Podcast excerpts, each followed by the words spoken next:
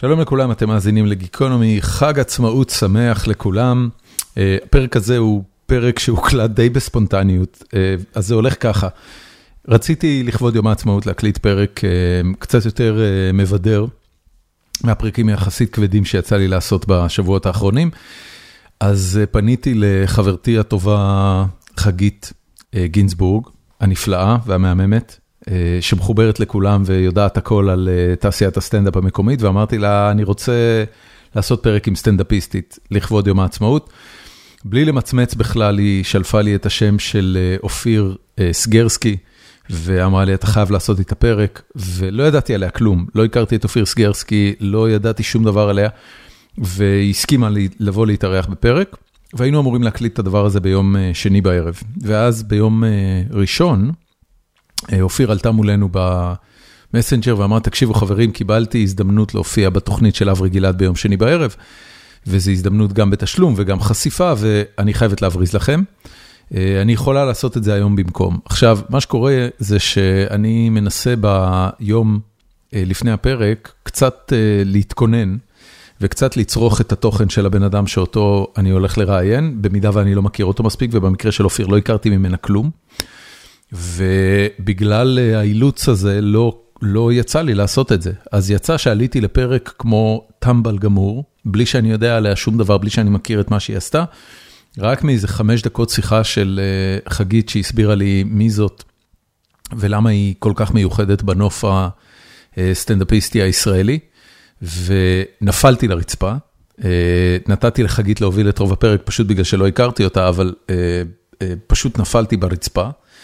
אופיר היא חכמה ומצחיקה ואמיצה ברמות פסיכיות, ומאוד מאוד מאוד מיוחדת, וזה היה נורא מצחיק ונורא כיפי להקליט איתה את הפרק. אחרי הפרק תהיה חפירה בנוהל הרגיל, אז מי שרוצה לשמוע אותי קצת מתלונן על החיים עצמם, מוזמן להישאר אחרי אות הסיום. וזהו, שיהיה לכם חג עצמאות שמח, האזנה נעימה, פרק 548 עם חגית גינזבורג ואופיר סגרסקי.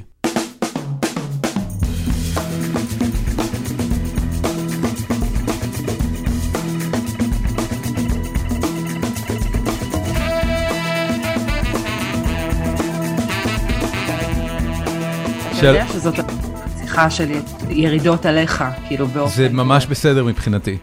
איך נחגוג את יום העצמאות אם לא בלרדת עליי? ברור. אופיר, מה שלומך? תודה שהצטרפת. אהלן, אהלן, תודה שהתאמתם את עצמכם ללוז הסואן שלי כאישה מפורסמת. למאזיננו הקבועים נסביר שהיינו אמורים להקליט עם אופיר מחר בערב, על פי הנוהל, שאני מקליט ביום שני ומשחרר את הפרקים ביום שלישי. השבוע קצת שונה, כי יום שלישי הוא יום הזיכרון, והפרק הזה יוצא בערב יום העצמאות במקום זה.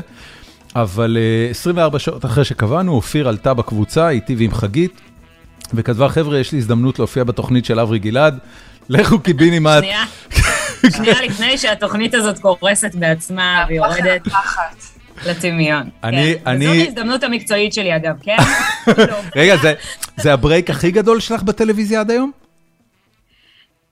לא. אני חושבת שכן, לא, יש את ארז דריגס, ששם באמת זה היה שואו של חיי. אבל סתם, אנחנו לא נחזור לזה. נכון, היה שם break בכל מיני מובנים. ומה עוד? היו לי כמה תפקידי משחק. היה פרק שלם. לא, אבל אני שואל במונחים פוטנציאל רייטינג, הרי בסוף זה נמדד על רייטינג. התוכנית של אברי גלעד זה, טוב, אני לא יודע, את יודעת, התוכנית יורדת כנראה בגלל לא הרבה רייטינג. כנראה בגלל אופיר סגרסקי התוכנית יורדת. את הולכת לקבור את זה. אגב, יש לי היסטוריה בהמתת גופים. אני לפני זה, הייתה לי תוכנית בדמוקרט TV, שנייה לפני שסגרו את המחלקה, המחלקה שכאילו שם עשיתי את התוכנית. מה עוד היה? יש קריסה סדרתית כזאת של מקומות ששכרו את שירותיי. אז את אומרת, יש לנו פוטנציאל להיות מבוטלים מיד אחרי הפרק הזה. אה, כן, סטורי. זו תופעת לוואי אפשרית. שום דבר לא יבטל את גיקונומי, העובדה שהפודקאסט הזה יותר מהדבר, זה כבר משהו שיותר... ככה זה, את יודעת, יש בטבע יצורים שיכולים לחיות בכל תנאי, כי הם לא צריכים מזון, אם אין להם מזון הם פשוט נכנסים לקומה עמוקה, והם לא צריכים טמפרטורה נוחה, כי הם יכולים לשרוד בטמפרטורות גבוהות, ככה זה גיקונומי, אנחנו הג'וקים של עולם הפודקאסט הישראלי. אנחנו הג'וק, אנחנו נהיה פה אחרי הפצצה הגרעינית.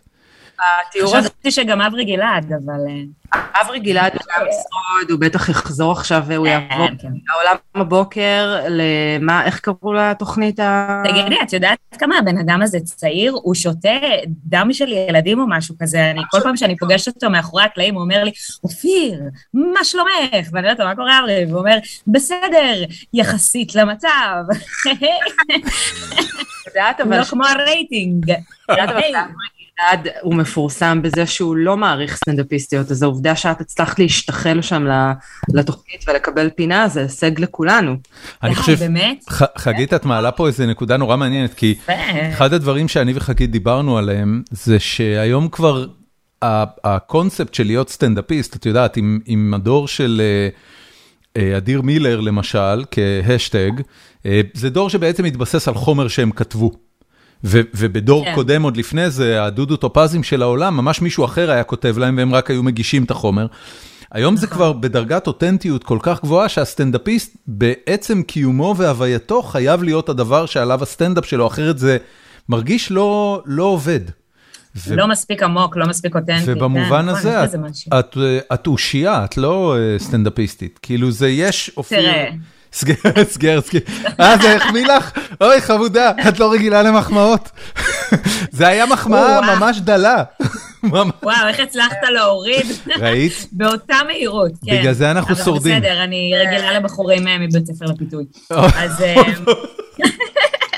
אז לא, כן, אני, זה נכון, אני בכל הווייתי, אני חושבת שאני ממשיכה את מה שאני עושה בבמה לרשת, או להפך בעצם, את מה שאני עושה ברשת לבמה. אני חושבת שגם חגית יכולה להזדהות עם זה. זאת אומרת, אנחנו... מה פתאום, אני לא מבינה על מה את מדברת.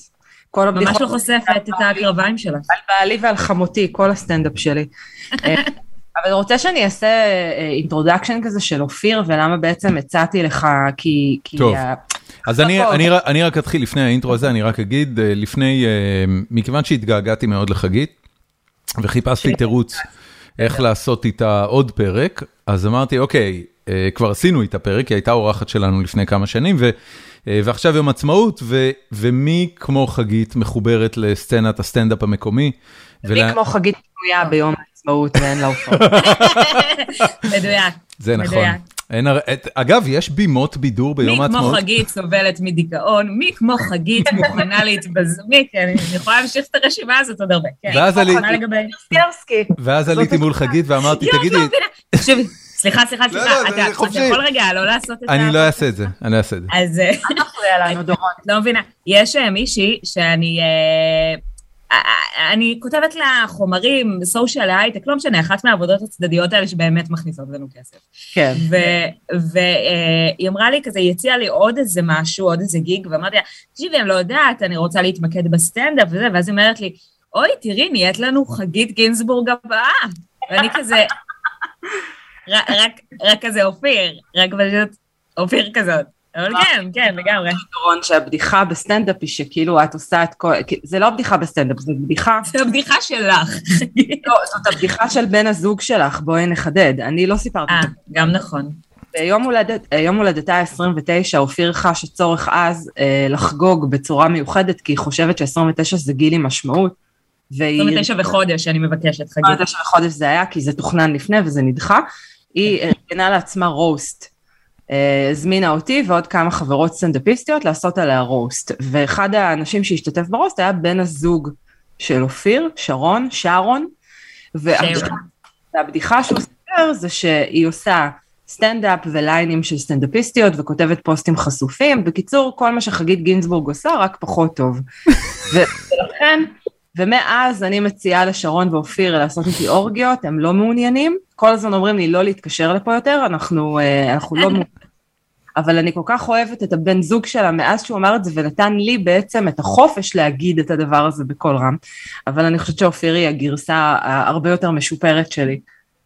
יואו, מאמי.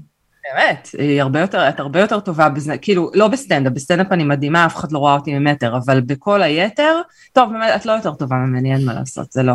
כן, לא, יש גבול, אבל אם אפשר להמשיך אה, בחילופי ההשתפכויות בטח, בשביל מה אנחנו פה? חשבון, על חשבון תוכן אמיתי, אה, אז את, אה, את ממש מודל לחיקוי מבחינתי, באמת. עצוב מאוד, זה מעיד על המצב הקשה שלך. כי את יודעת, אני מעדיפה לשאוף למטה. מאשר... חד משמעית. אם את שואפת להיות כמוני, אז זה בהחלט למטה, ובסוף תמצאי את עצמך רווקה בת 40, גרה ברמת גן, מגדלת כלב. אופיר, אני... אני כבר בדרך לשם. אני כן. קראתי שאת שינית את השם שלך, לא נולדת אופיר. נכון. את יודעת את זה, חגית? לא, ברור שידעתי. אני יודעת הכל על אופיר. יש לי, מסתבר, יש קטע כזה, גם שני פרקים אחורה, ראיינתי פרופסור לחקר המיניות האנושית, קוראים לה גורית, ובאמצע הפרק פתאום אנחנו מגלים שהיא לא נולדה גורית. היא בחרה את השם גורית לעצמה בגיל שנתיים, וההורים זרמו עם זה, ומאותו רגע קראו לה גורית. אז למה, למה את לא יעל? אתה לא לזרום עם בחירות של גיל שנתיים. כן, אני יודע, זה מה שאמרתי לה. אמרתי לה, תקשיבי, מה, כאילו, מה ילדה בת שנתיים משנה לעצמה את השם? אם היינו הולכים עם בחירות של הילדים בני השש... ואם הייתה רוצה לקרוא לעצמה אלזה, מה הם היו עושים? או בל? מה היה קורה אז? אלזה זה כאילו איכשהו. אבל אתה שואל את עצמך בעצם מה הוביל אותי אה, לשנות את ה... כן.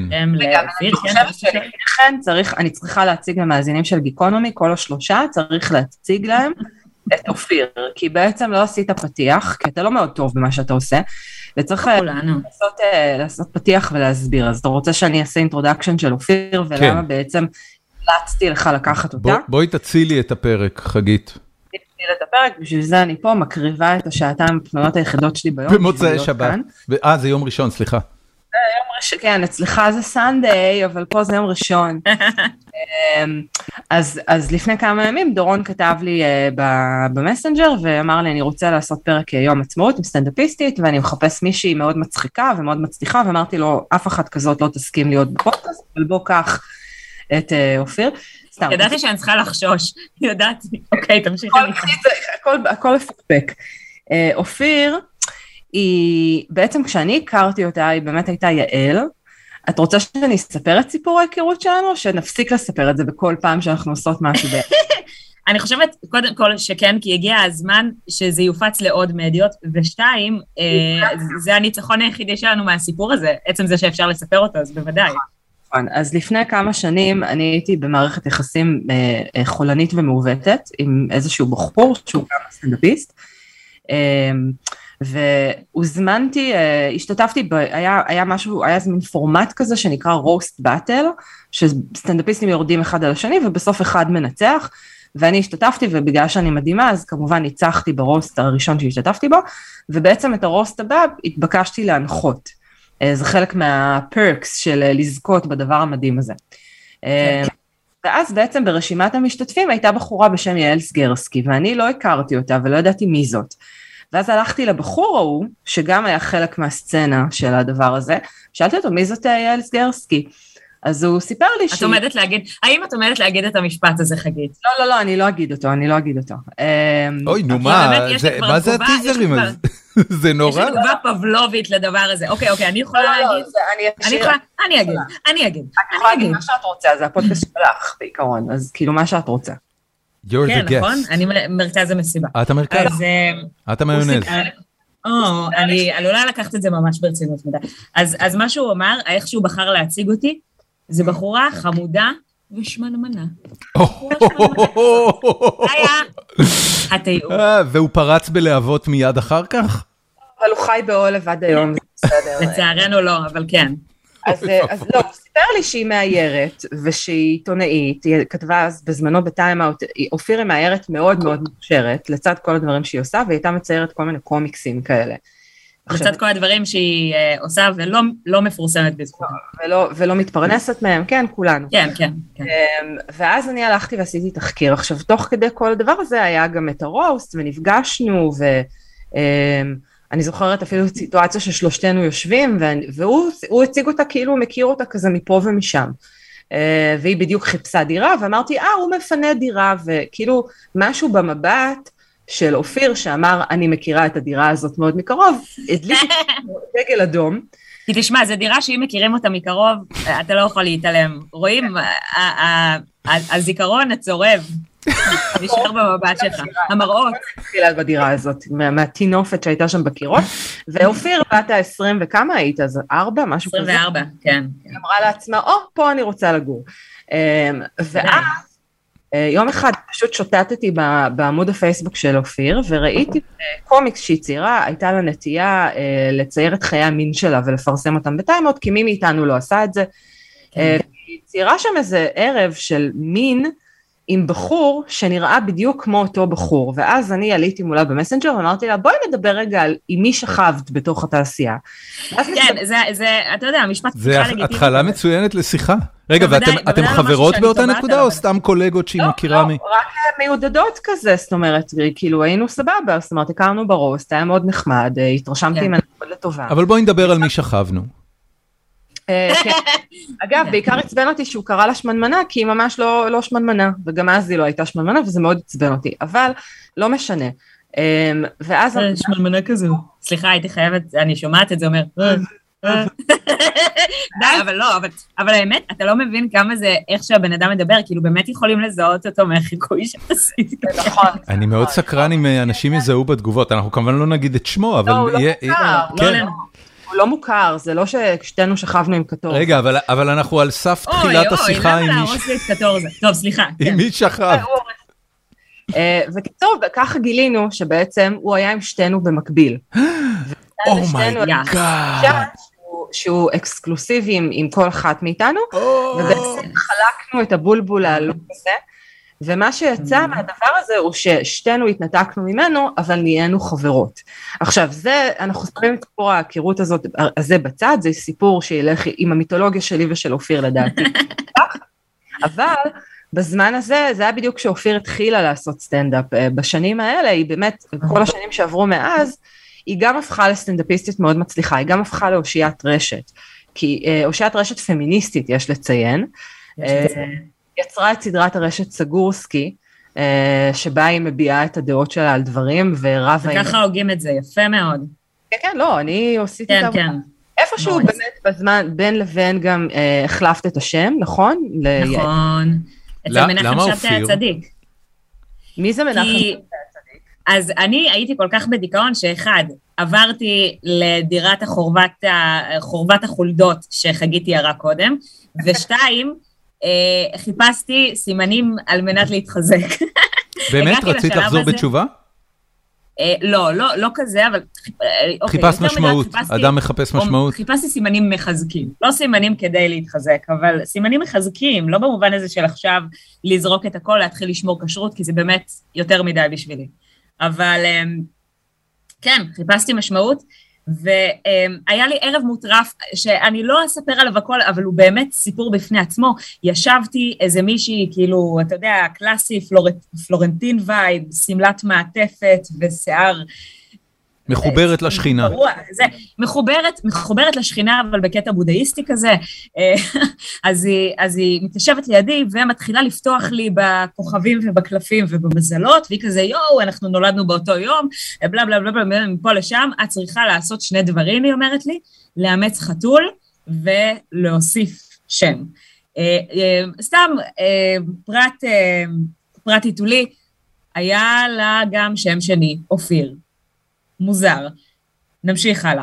בקיצור, אני אכן אימצתי חתול, חתול שהביא איתו רק מזל רע, הרס לי את החיים, גם ברח לא מזמן, השאיר לי חרא על הלב, והרגשתי שצריך, יורי, יימח שמו וזכרו, ואמרתי, משהו במעגל הזה עוד לא שלם, זה היה עוד לפני שהחתול הזה עזב לי בלי שוב, ואמרתי לה, טוב, תגידי, מה, יש לך כיוון למשני שם? איפה, איפה משנים שם בעיר הזאת? אז לא בעיר הזאת. רגע, שינוי שם זה לא משהו שפשוט את מחליטה וזהו? כאילו קמה בבוקר ואומרת אני צריך משהו, צריך, זה לא, כן, לא, זה לא גיור. אפשר, לא, אפשר לגמרי, אבל אני החלטתי לקחת את ההתפלפות שלי עד הסוף, ולפנות לצדיק אסטרולוג קבלי, שמסתבר... צדיק אסטרולוג קבלי. אסטרולוג קבלי, שמסתבר במרוצת השנים שגם שי אביבי פנה אליו והוסיף שם. מה השם של שי אביבי? אלישע, קוראים לו שי אלישע אביבי. שי אלישע אביבי. אבל את עשית, כן. את עשית, את עשית full monty, אז- כאילו את עכשיו אופיר סגרסקי, כן. אין יעל יותר. כי, כי לא היה לי כוח לחרטא הזאת, אמרתי לו, מנחם, מנחם נשמה. אה, אנחנו לא פה אה, אה, דוסילנד, אוקיי? אנשים לא יקראו לי שתי שמות, זה לא חנה לאה, זה לא עובד פה. עם אני יעל הכף. או שמה? כן. בוא נחליט מה. אז הוא אמר, בסדר, אז, אז תשני, בואי נקרא לך בשם אחד, אבל תמיד תזכרי את היעל, שהיעל, ת, כאילו תכבדי, שזה גם יפה במובן הסימבולי, תכבדי את המקום של היעל ותשמרי על היעל הזה בכל מיני מקומות, אז נגיד החתימה שלי היא עדיין אה, יעל. אה, הבנתי. אה, אבל רגע, שמת- גם מקף. או שזה פשוט אופיר יעל סגרסקי? אה, לא, זה, בתעודת זהות זה פשוט אופיר סגרסקי, שאגב, הוא התחלחל מזה מנחם שבתאי, הוא הוא רצה להרוג אותי. אה, אז יכול להיות שעוד כמה שנים אני אשנה שוב. ליעל. אחזיר. אף אחד לא. יופתע כשם שני. בעוד כמה שנים היא תחליט שהיא הופכת ל... לא יודעת, מטילדה, princess... מטילדה חוכובה. ת- תגידי, אבל, אבל אני, אני, מה שאני רוצה, את יודעת, ב- בארצות הברית, אה, ש- שבה אני גר כבר כמה שנים, יש pattern יחסית ברור לאיך אנשים נהיים סטנדאפיסטים. אה, הם מתחילים היום בלהיות מצחיקים בצורה כזו או אחרת ברשתות חברתיות. באיזושהי נקודה הם מתחילים לנסות לעלות על במה לדקה, שתיים, חמש, בכל מיני ערבים פתוחים כאלה של כישרונות צעירים או סתימת חורים שהמועדון אה, נותן להם. ואם הכל הולך טוב, והעסק באמת אה, נדבק, או שהם פשוט אוכלים חרא מספיק שנים, אז לאט לאט הדבר הזה צובר מומנטום, ו- ומה שנשמע בצד שלך זה שאת עושה המון דברים שהם לא קשורים בכלל לסטנדאפ, עיתונות ואיור ורישום וקומיקס והדברים האלה. באיזה נקודה הדבר הזה הופך למשהו שאת אומרת, בוא, בוא נעלה על במה? קודם כל, לפני Hmm. הכל, אופיר היא שחקנית. אז זה. אז זה מתחיל ממשחק. חגית, לא הכל צריך אה, לחשוף. לא, אני, אני באמת למדתי אה, משחק המון שנים, ממש יותר מדי שנים מחיי. אה, שבע, יש לומר, למדתי משחק בתל מעלין, ואז בסמינר הקיבוצים. אני יודעת מאוד טוב את התחום הזה, אה, לא מספיק בשביל להתפרנס. ויצאתי לחיים האמיתיים כשאני מלצרית, וזה המיט עליי דיכאון מאוד קשה, דיכאון שממנו עדיין לא שיניתי את השם, אבל אה, כן הבנתי שאני צריכה איזשהו שינוי כיוון, ושאני לא מוכנה ל- למה אה, משחק לעשות, הוא כזה אה, דיכאון? המשחק עצמו הוא לא דיכאון, אבל... או לא, שזה גם. בגלל עולם התיאטרון הישראלי שהוא רובו בולשביקי והסתדרותניקי?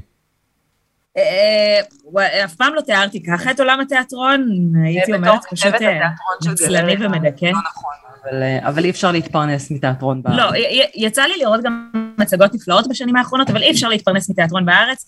אה, ופרויקטים אה, טל- טלוויזיוניים או קולנועיים, כאילו קיבלתי פעם בשנה. לא, לא הפכתי להיות איזה ג'וי ריגר כזאת, שכאילו יכולה אשכרה לחיות מזה. ואני גם ילדה מפונקת ממכבים, אז לא הסכמתי למלצר. פשוט לא הסכמתי לעשות את זה יותר, ואמרתי, אין מצב, אין מצב שאני רגע, ממלצרת רגע, אבל דקה. ל- ל- זאת אומרת, המלצרים בארץ זה לא קריירה, לפחות רוב הזמן, אולי יש בודדים אבל ש... עושים את זה, עושים את זה בשביל לשחק. נכון, רוב, רוב המלצרים שאתה תראה תראה עושים את זה בתל אביב, גם בשביל להיות שחקנים. סטודנטים, אני הייתי מלצר וסטודנט, זה מה שאתה עושה, אתה צריך להתפרנס איכשהו. לגמרי, הבעיה היא שבמשחק אתה לא מפסיק להיות סטודנט. אצלך זה היה בתקופת האבן, דורון, אתה בן 68. נכון, אז, אה, נכון. עובד אחר, העולם עובד אחרת. אני, אני לא, אבל זה ב-68 גם- זה ואני גם- משקר לגבי זה, זאת אומרת, זה בעצם מבוגר יותר.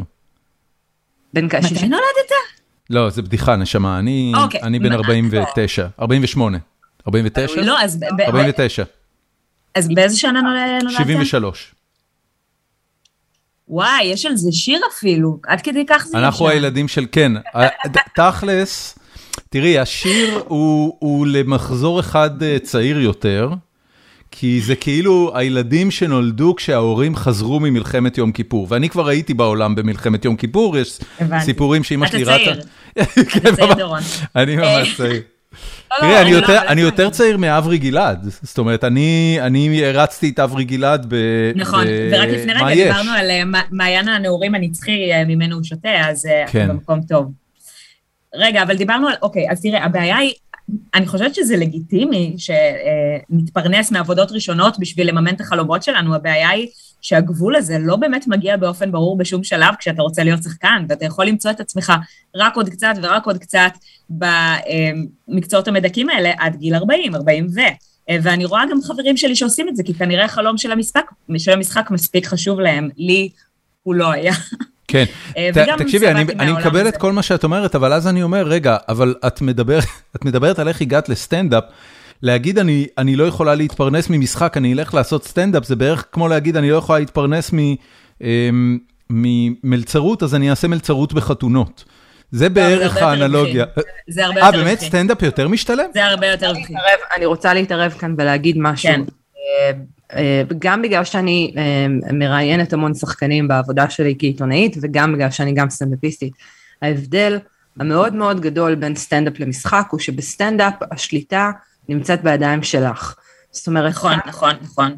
אה, אם נשים בצד לרגע כמה זה קשה להיות סטנדאפיסטית בישראל וכמה קשה לקבל במות כשאת בתחילת הדרך, ברגע שאת קצת על הגל וכבר יש לך נניח חצי שעה של חומרים טובים ואת טיפה מתורגלת, כן, גם כן. אפשר להרוויח מזה הרבה כסף וגם זה בעיקר תלוי בך. את לא צריכה שיבוא איזה במאי, ירום הודו ויבחר בך לסרט שלו או לסדרה שלו. אני מאוד שמחה שאת אומרת את זה, כי זה באמת שני המשתנים האלה. קודם כל, מבחינה כלכלית, כן, זה יותר שווה, וזה גם אחד הדברים הראשונים שהסוכן שלי אמר לי. כאילו, יפה, מגניב, את רב-תחומית, את עושה הרבה דברים, אני פה בשביל לעשות כסף, וגם את, אז, אז סטנדאפ זה, זה מה שאת הכי צריכה להשקיע בו מכל הדברים שאת עושה. אה, גם בואי נגיד שבהצגה צריך לשלם לשבעה שחקנים, ובמאית, ומחזאית ודודודדה, אנחנו אלה שקוטפות את הרוב המוחלט של הרווחים אצלנו. כן. אבל מעבר לזה, את מדברת על עניין של שליטה. אני לא סובלת שאומרים לי מה לעשות. לא סובלת. זה מטריף אותי, בגלל זה אני גם לא הולכת לכושר בקבוצה. אני לא יכולה. אה, לא לוקחת מדריכים. ובסמינר הקיבוצים, התפרצה אצלי סוסת הפרא, מה שנקרא. זאת אומרת, הניצנים של הפמיניזם ושל המילה דוחה, דעתנות, התחילו אצלי כבר בתל מיילין, אבל נורא חיבקו אותי שם. ובסמינר, פתאום אני לא באתי כל כך טוב למורה המרכזית שהייתה לנו למשחק, היא הייתה מאוד סובייטית, כמו שאמרת, מאוד דור ישן, אה, וגם אה, איציק, שהוא בן אדם באמת נפלא, אבל היו לנו הרבה טאקלים על הדבר הזה. ואני חושבת שהגעתי לעיתונות ולסטנדאפ, לשניהם, מתוך הצורך הזה לומר מה שבא לי, בלי רסן על הפה, ושלא יסתמו לי. זה פער מאוד גדול. א- בין, איך אה, הדבר הזה הופך. לסטנדאפ הראשון שלך? על מה הוא היה? אני מנסה להיזכר, אני חושבת שהסטנדאפ הראשון שלי התעסק בחרדות, כי כמו שאמרתי לך, הייתי בדיכאון וגם בחרדה, מין דיכאון חרדה קיומיים כאלה של אז מי אני בעצם? כל כך הרבה שנים למדתי משחק, זה היה החלום. כמה ישראלי? מה, מה עכשיו? כמה ישראלי ומילניאלי, הייתי אומרת. אמ, לא מילניאל. לא, הדור שלי גם עם חרדות, אבל חרדות... אני מילניאל. כן. אני אני, אה, 93, אני חושבת שזה נחשב מילניאל, נראה לי. את כל כך צעירה. מילניאל זה מהניינטיז. זה נורא, חגית. לא, אני גם... צעירה ומוכשרת, כמה זה- כמה מעצבן זה יכול להיות? אל ת- לא, לא, אל תנסה לג- לגרור אותי לצד שלך, כי אני אלדר מילניאל, אני ילידת 82, שזה, שזה הופך אותי גם למילניאל, אנחנו נקראים אלדר מילניאל. באמת? מעניין, יש את הספיישל הזה של איך קוראים לה? בדיוק, לייזה, של אה, לייזה. לייזה, איך קוראים לה? כן, אייזה שלזינגר, אז היא ממנה למדתי מתעקשת על זה שהיא אה, אלדר... אה, אלדר מילניאל. שאלייזה שלזינגר ואני לדעתי נולדנו באותה שנה, ומשם למדתי שאני אלדר מילניאל. נו, מקסים. איזה קולגות אתן היום. רגע, מה לייזה. נקרא הדור שלי? אני לא- אני לא generation X, אז מה, אני Y? אני... איזה שנה? 73? אתה לא 73. לא, מבחינת ה- אבא שלי boomer. מבחינת הטיקטוק, מבחינת הטיקטוק אתה boomer. זה ברור, אבל זה בסדר. גם, לא נעים להגיד, גם אבל אני, גם את boomer. גם אני. כן, זה- לא, אז- אני מקבלת כל כך תגובות כאלה קשות, ו- ואתה יודע, אני צוחקת על זה גם בסטנדאפ שהבן זוג שלי, הוא fucking מדבר בטיקטוק על תנ"ך, אוקיי? הוא כוכב טיקטוק של תנ"ך, כוכב תנ"כי. אמ, אני די בטוחה שגם בתקופת התנ"ך, אם מישהו דיבר על תנ"ך, לכיף שלא היו סוקלים אותו בעבר. אני גר ב- אני אבל ר- אני גר בטיקטוק- בטקסס, ורק שתדעי? שתנ"ך פה זה hot shit, כאילו, זה נורא מעניין. מי היה מאמין שזה הדבר? טוב, אבל טקסס זה גם... בדיוק, גרתי לפני זה בקליפורניה ועברנו פה לטקסס, ואחד הדברים שאתה מגלה מהר מאוד, כשאתה, אפילו כשאתה נוסע בטקסס מקליפורניה לפה, אז אתה, אתה רואה את הכמות הבלתי נתפסת של כנסיות ביחס לבני אדם. זאת אומרת, זה? זה, אני באוסטין. יש, אה. זה יש, הכמות המועטה של הפלות ביחס. כן, גם. אבל אבל לפחות בשביל זה הם יכולים לעבור מעבר לגבול, כנסייה זה פשוט ליד הבית. יש פה כנסייה בערך על כל שישה טקסנים, והכנסייה זה לא, אה, את יודעת, זה לא איזה מוסד אה, קודר וארכאי, זה כל מה ש... תדמייני כאילו כנסייה של 4,000 איש, עם כומר כן. צעיר ומגניב שרק מספר איך ישו יציל לך את הנשמה, ואחריו מגיעה להקת Jesus rock. שהוא עושה הרמות אבל, שזה כזה... כן, כן, כזה, כזה. למה, למה הם מקבלים את כל הרמות? חוץ של האימא. אני כן. הסתובבתי, הייתי בניו יורק, ואני שומעת כאילו הרמות, באמת, אופרה כאילו עולה באחת הכנסיות. כנסייה פה זה fun. הכל... זה פשוט אה, fun. אנשים באים לכנסייה כי זה fun. וזה רכילות, וזה מוזיקה, את יודעת, יחסית מגניבה. זה סיפור אחר. אם הרבנות הראשית הייתה ממוסדת על ידי ברסלב, אז 70 שנה אחר כך אולי היינו מקבלים משהו שדומה ל vibe של הכנסיות פה. אוי, זה היה נורא. כן. כן. אבל תחשבי, כאילו, איך נראית, למשל, הייתה, איך נראה הנ- הנאום של הרב הראשי? לא, אבל אני מצטערת, אתה לא יכול אה, להשוות את הדבר הזה לברסלב ברסלב. זה ה... זה ה... אה, נו, המידברן, זה הברנ... זה זה, זה היפסטר, זה היפסטרים. זה לא אנשים אה, שאני יכולה להקיף את עצמי בנוכחות שלהם יותר מדי זמן. מאוד מצטערת. בואי בואי נגיד שהסיכוי של שהם. יסקלו אותך הרבה יותר נמוך מה- מהחבר'ה שהיום ברבנות הראשית. וגם לא. אם הם יסכלו, אז בשמחה, נכון? הם ישירו לי דברים כן, קשים. כן, כן, will be a fun ending. הדבר כן. המדהים הוא שבאמת שרון הוא מורה לתנ"ך, ואז הוא לקח את הדבר הזה והפך אותו ל... ל... הוא מדבר, על, הוא מספר על התנ"ך בטיק טוק, הוא מנגיש את התנ"ך לג'ן זד, הנבלות הקטנים. ו... שלא מגיע להם כלום. עכשיו, אני מנסה להנגיש את הפמיניזם, ומה כותבים לי? תמותי. ככה נראים ה... ככה נראות התגובות. תמותי- אה, תמותי מכנס כמובן. בתוכו הרבה מאוד אה, אה. רגשות. כן. לא מעיזה להיכנס בכלל לטיקטוק, כי אני פשוט מפחדת מהם מאוד. אני, אבל אתה יודע, כפרה על חגית, מה היא עושה? אני, את סיפרת לי שאת אה, מסתובבת שם סמויה, כן. בומרית סמויה, ומרימה לפגועות אה, Gen Z כמוני, אני רואה, קורבנות ה Gen כל Z. פעם שאני עוקבת אחרי אופיר בטיקטוק מה user הפיקטיבי שלי, וכל פעם שילדים מניאקים, ילדים זין, בני 13, כותבים לה כל מיני דברים, אז אני פשוט נכנסת עם, עם אימא שלהם, מוציאה, כמו שרק את יודעת. אני פשוט תקש שלך, זוכת הרוז. אפס, יא מחוצ'קן, יא מכוער, אני פשוט מוציאה את כל, חגית, מי- הפרסונה של הפרופיל הפיקטיבי שלך? מי זאת הבחורה הזאת? אה, זה קודם כל הוא זכר, אה, אוקיי. אני, אני טוענת על עצמי שאני אני גבר הומו כלוא בגוף של אישה, ו, ונתתי ביטוי ל, לאישיות הזאת בטיקטוק, זה מקסים. אני בעיקר מגנה על חברות שלי, כי יש לי הרבה חברות בטיקטוק, ואני פשוט מגנה על חברות שלי, זה מביא לי את הסעיף, וזה גם אאוטלט לכל העצבים שאני אוספת בגוף, ואני לא יכולה להוציא אותם בפייסבוק, כי אצלי בפייסבוק יש בומרים אמיתיים. איזה יופי. בעצם גם את מוצאת את ה- את ערוץ הביטוי שלך דרך האפליקציה רק הזאת. שאף אחד לא יודע שזאת אני, ואני נורא, אני רבה יש, איתם. אני יש אה, קסם גדול באנונימיות.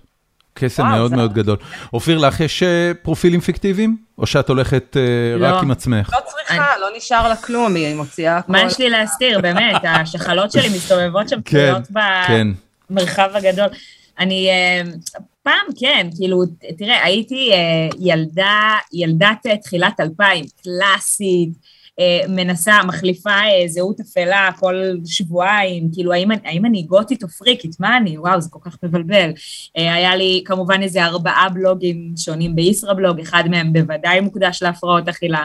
אה, הייתי מאוד חזקה באנונימיות וגם בשלל הפלטפורמות. כל פעם שגיליתי משהו חדש, השתלטתי ולא נסקתי משם. זאת אומרת, אף פעם לא הגעתי למומלצים. זה לא- כזה.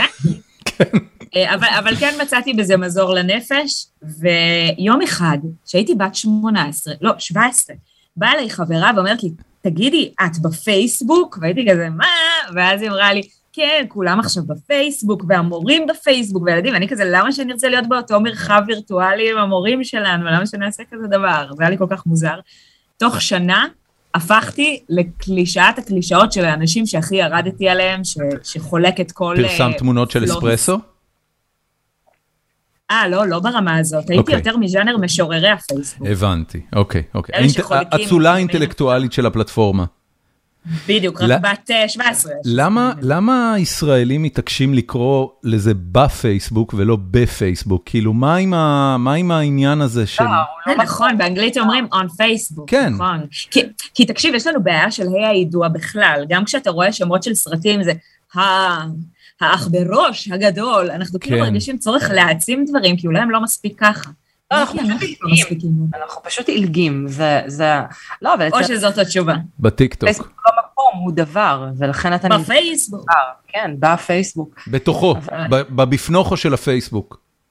רגע, אבל אני רוצה להשליט פה סדר, כן. כי אני חושבת שזה התפקיד שלי אה, בתור מנחה אורחת. אה, אז אה, מתי, מתי בעצם הייתה ההופעה הראשונה שלך? אה, נכון, דיברנו על חרדות. אז עליתי אה, במשכנן של החרדות כולן אה, המיותר. אה, ערב סטנדאפ, שמי שלא מכיר, עכשיו הוא נמצא באוזן אבל זה היה בבית הכנסת הגדול שם, ובאמת, אם אתם רוצים לחוות חרדה חברתית, אם מעולם לא התנסיתם בחרדה חברתית, ללכת הפרזנטורים שם. זה כאילו כל המיני סלבס, ההיפסטרים המגניבים, שהם יותר מדי מגניבים בשביל להיות מפורסמים מאוד, אבל הם כן... אני לא אנקוב שמות, אבל זה אנשים שמאוד בא זה לך זה מי שרוצה להיות. סטנדאפיסט של סטנדאפיסטים, לא של אף אחד אחר. כן, אהבתי מאוד. אני- רוצה את הקהל שלי קטן, עני ושונא אדם. שלא ישלמו לי, כי זה, זה מביך, זה מיינסטרים. כסף זה נורא כן, מיינסטרים. נורא. אז, אז אני עליתי שם לאיזה חמש דקות, שבהם דיברתי בעיקר על חרדות אבי המנוח, כי אבא שלי נפטר איזה שנתיים לפני, זה היה מאוד מאוד שחור, מאוד dark.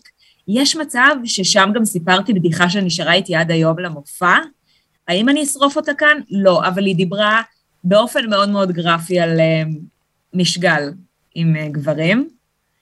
Uh, אני חושבת שכמו הקומיקסים שלי, שאגב הפסקתי איתם מאז, הייתי חסרת רחמים בב- בבדיחות שלי פעם. אנשים חושבים שהיום אני מגזימה. היה לי סגמנט אצל אברי גלעד, הסגמנט כנראה הכי נצפה בכל התוכנית שלי תחילתה, שאני מדברת על זה שבדיחות שואה הן לגיטימיות מבחינתי, ואברי מנסה לשכנע אותי שלא, אבל כל הקאמבקים הם בדיחות שואה. אני ממשיכה, הוא כזה, משהו שרוף כאן, אולי זה יהודים, כאילו, באמת. רגע, זה- הגע-. הגעת גם למחוזות הסבון, או ש- או שנשארת רק בריחות שרופים?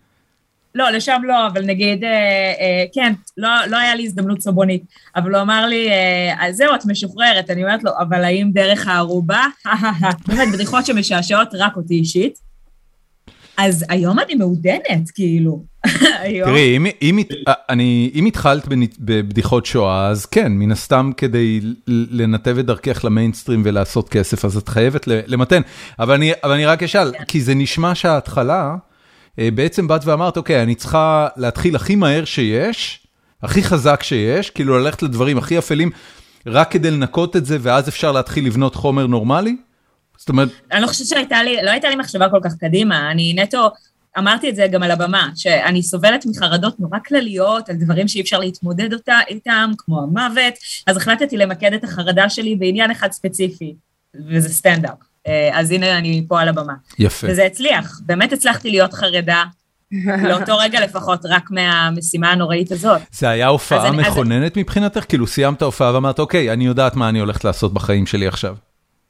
זה היה מכונן, בדיוק ההפך, ירדתי מהבמה ואמרתי, אני יודעת מה אני לא עושה בחיים שלי יותר. וואלה. זה היה ממש מוגזם, וצרח ממני משאבים לא פרופורציונליים לכמות מחיאות הכפיים. אוקיי. ואז מה? והלך לי דווקא, הלך. לי דווקא טוב, כאילו, אה, הנה הגבר שלא צריך אותו. הוא אז, הוא אה, הולך לו ברקע. האיש- כן, כן, שלך הולך אבל- לו ברקע. אבל, אבל אני מצליחה לגמרי בכוחות עצמי, ובכלל לא מנצלת את קהל העוקבים שלו בטיקטוק, אז אנחנו לא נתרכז בזה עכשיו. כמה אה, עוקבים, רגע, י- י- יש ביניכם תחרות בבית למי יהיו יותר עוקבים? מאוד לא סמויה, ממש, כן, על השולחן כל הזמן. כמה יש לו היום? ברחוב. היום יש לו באזור ה-60 אלף, לי בטיקטוק יש אה, כזה 11 אלף, זה הכל בגלל הפטריארכיה, אתה מבין? זה- זה ברור, והוא גם גייס את התנ"ך לצד שלו, ואת בדיחות שואה, את יודעת, כאילו זה לא... זה לא... בפייסבוק יש לי אה, 20 אלף, רק אומרת. רק אומרת שבפייסבוק... זה לא רע. 20,000? כן, כן. אני עושה משהו נכון. אני מניח שלעשות איתו cross promotion זה לא יעבוד כל כך טוב. אה, עשיתי את זה מספר פעמים, אבל זה באמת יותר החסיר ממנו עוקבים מאשר הוסיף לי. אנשים אמרו לו, "אה, למה עשית את זה? אני מאוכזב ממך על האישה הזאת המיותרת שעכשיו הבאת. אפילו אנשים שלא יודעים שאנחנו בזוגיות. מי זאת? למה שמת אותה? אני מסיר עוקב. אני פה בשביל תנ"ך. פה בשביל תנ"ך. יש בינינו הסכם. ואתה מפר את ההסכם, אדוני. מי זאת רגע, לא, אבל... אבל יש לנו, רגע, אנחנו התחלנו איזשהו נושא על ה... לא, זה... אה, כן. אה, לא, אבל, אבל אני אשמח לחזור לשם, שזה לא, זה לא שאני אה, רציתי לפתוח בקריירת סטנדאפ. רציתי להצחיק אנשים מאוד ספציפיים שחשבתי שייתנו לי קריירה מבטיחה איפשהו, לרכב על הגב שלהם. לא הבנתי שגם הם מחפשים אנשים לרכב עליהם ולהתקדם בקריירה שלהם. את מכירה, כאילו, את יודעת במה מדובר, נכון חאג'? זה, זה הסצנה, זה מה שקורה שם. יש אה, לזה שם אגב באנגלית, זה נקרא social climber. אה, אה, מה זה אומר? מטפס חברתי, בן אדם שרוצה להכיר אותך, כדי שתפתחי לו את הדלת ל... אה, לחוג. חברתי, זה מה שעשיתי עם. חגית. את יודעת, זה- זה- אני מנצל את חגית עכשיו פה ל social climbing מולך. לגמרי, אבל לפחות יש לך גם מה להעניק לה בתמורה, איזשהו משהו. ממש. נורא להיות ב... לא, לא ממש. אני מעדיפה להמשיך לצפות עכשיו בחיות הפלא והפרק של גרינוולד, מאשר לשבת פה איתכם, אבל... מדובר באישה עסוקה. מאוד עסוקה. אני רק רוצה להגיד, אבל בהקשר הזה של שבאמת, אני חושבת שלהתחיל מה, מהסצנה של המיותר, כאילו, אחד, אחד הדברים שאני הכי מעריכה אצל אופיר, זה שהיא לא נתקעה שם, כי מה שקורה בסצנה של המיותר, שאני אה, אני לא... אני לא מתחברת אליה פשוט כי הם, אני מרגישה שהם לא סובלים אותי, אז, אז כאילו אני תמיד רציתי שהיפסטרים יאהבו אותי, כשהבנתי את המסר שהם לא סובלים אותי אז התרחקתי משם, אבל מה שיפה ב, ב, בקריירה של אופיר, בדרך שאופיר עושה, זה שהיא הצליחה לצאת מהמקום הזה. רוב הסטנדאפיסטים שמופיעים במיותר, מופיעים רק במיותר, זאת אומרת יש להם את החמש דקות השבועיות שלהם שם, מול החברים כן. שלהם, הקהל החוזר של המיותר, אה, והם לא פורצים החוצה. ואופיר לקחה בעצם את השילוב של כל הדברים שהיא עושה, זאת אומרת, היא גם, אה, היא גם כותבת בוואלה, היא גם כותבת בבלייזר, אה, העורכת של בלייזר זאת קרן בר-לב, שהיא חברה משותפת של שתינו, ואפילו שרדה את אופיר בוויקנד בסיני. ו... שלא ובעצם- נדבר על איך אני שרדתי את קרן, אבל היא לא הנושא. אני, אני יכולה רק לתאר לעצמי. אה, ובעצם היא, היא לקחה, היא עשתה איזה, היא, היא, הצליחה, ואני לא יודעת אם זה היה אצלך מכוון, כי אני חושבת שמההיכרות שלי, גם עם אופיר וגם עם נשים שדומות לנו בעשייה, את לא באמת מכוונת לשם, את לא יושבת ועושה לעצמך איזו אסטרטגיה, ואומרת, טוב, עכשיו אני אעלה אה, סרטונים, עכשיו אני אכתוב כתבות, ואני אעשה סטנדאפ ואני אלך להופיע. נכון. משהו בכל העשייה של אופיר, שלדעתי, מהפרשנות שלי, נובע מאיזה צורך באמת מאוד גדול להגיד דברים שלהמון נשים, בדגש על נשים, אין את האומץ להגיד בגלל שהן נורא מפחדות מה, מהקאמ, מהקאמבקים שהם יקבלו מה, מה, מה, בעצם מההד שיגיע מהקהל המיזוגני והדוחה והעילג הישראלי. ואופיר לא רק אומרת המון המון דברים, ותכף נדבר על מאבק הסטנדאפיסטיות בהטרדות מיניות, שזאת הייתה יוזמה של אופיר, אבל כל הדברים שהיא אומרת, יש לה דרך גם להגיד את זה בצורה נורא מצחיקה, היא לא מפחדת לא לדבר על מין, לא לדבר על זוגיות פתוחה, לא לדבר על, על, על עוולות, אה, עוולות שנגרמים לנשים בעולם באופן כללי, ואז כשמגיעים ההייטרים, היא נורא יודעת להתמודד איתם. זאת אומרת, היא... זאת אני, חגית? כל זה? יודעת, זאת זאת יודעת, אני. אני מאוד מתרשמת. אני, עכשיו. אני, אני, רק, אה, אני רק אגיד לך, אה, אופיר, שחגית מדברת עלייך ככה גם מאחורי הגב, לא רק לפרצוף. נכון. היא אשכרה, אומרת את כל הדברים האלה. אבל, אבל אני רוצה לשאול אותך בעניין הזה, יש פה, יש פה רקע ש, אמ, אה, שאולי המאזינים שלנו לא מכירים. את הבחורה שפוצצה את הפרשה של ארז דריגס, אה, אה, ש, שכנראה היה מטריד מינית סדרתי, לפני שהוא כן. התפרסם בסדרה חזרות. אה, כן, כן. ואני מניח שהיית קורבן שלו גם כן? קשה לקרוא לזה קורבן, כי באמת אני לא חוויתי איזה משהו שהותיר עליי יותר מכזה, זאת התחושה.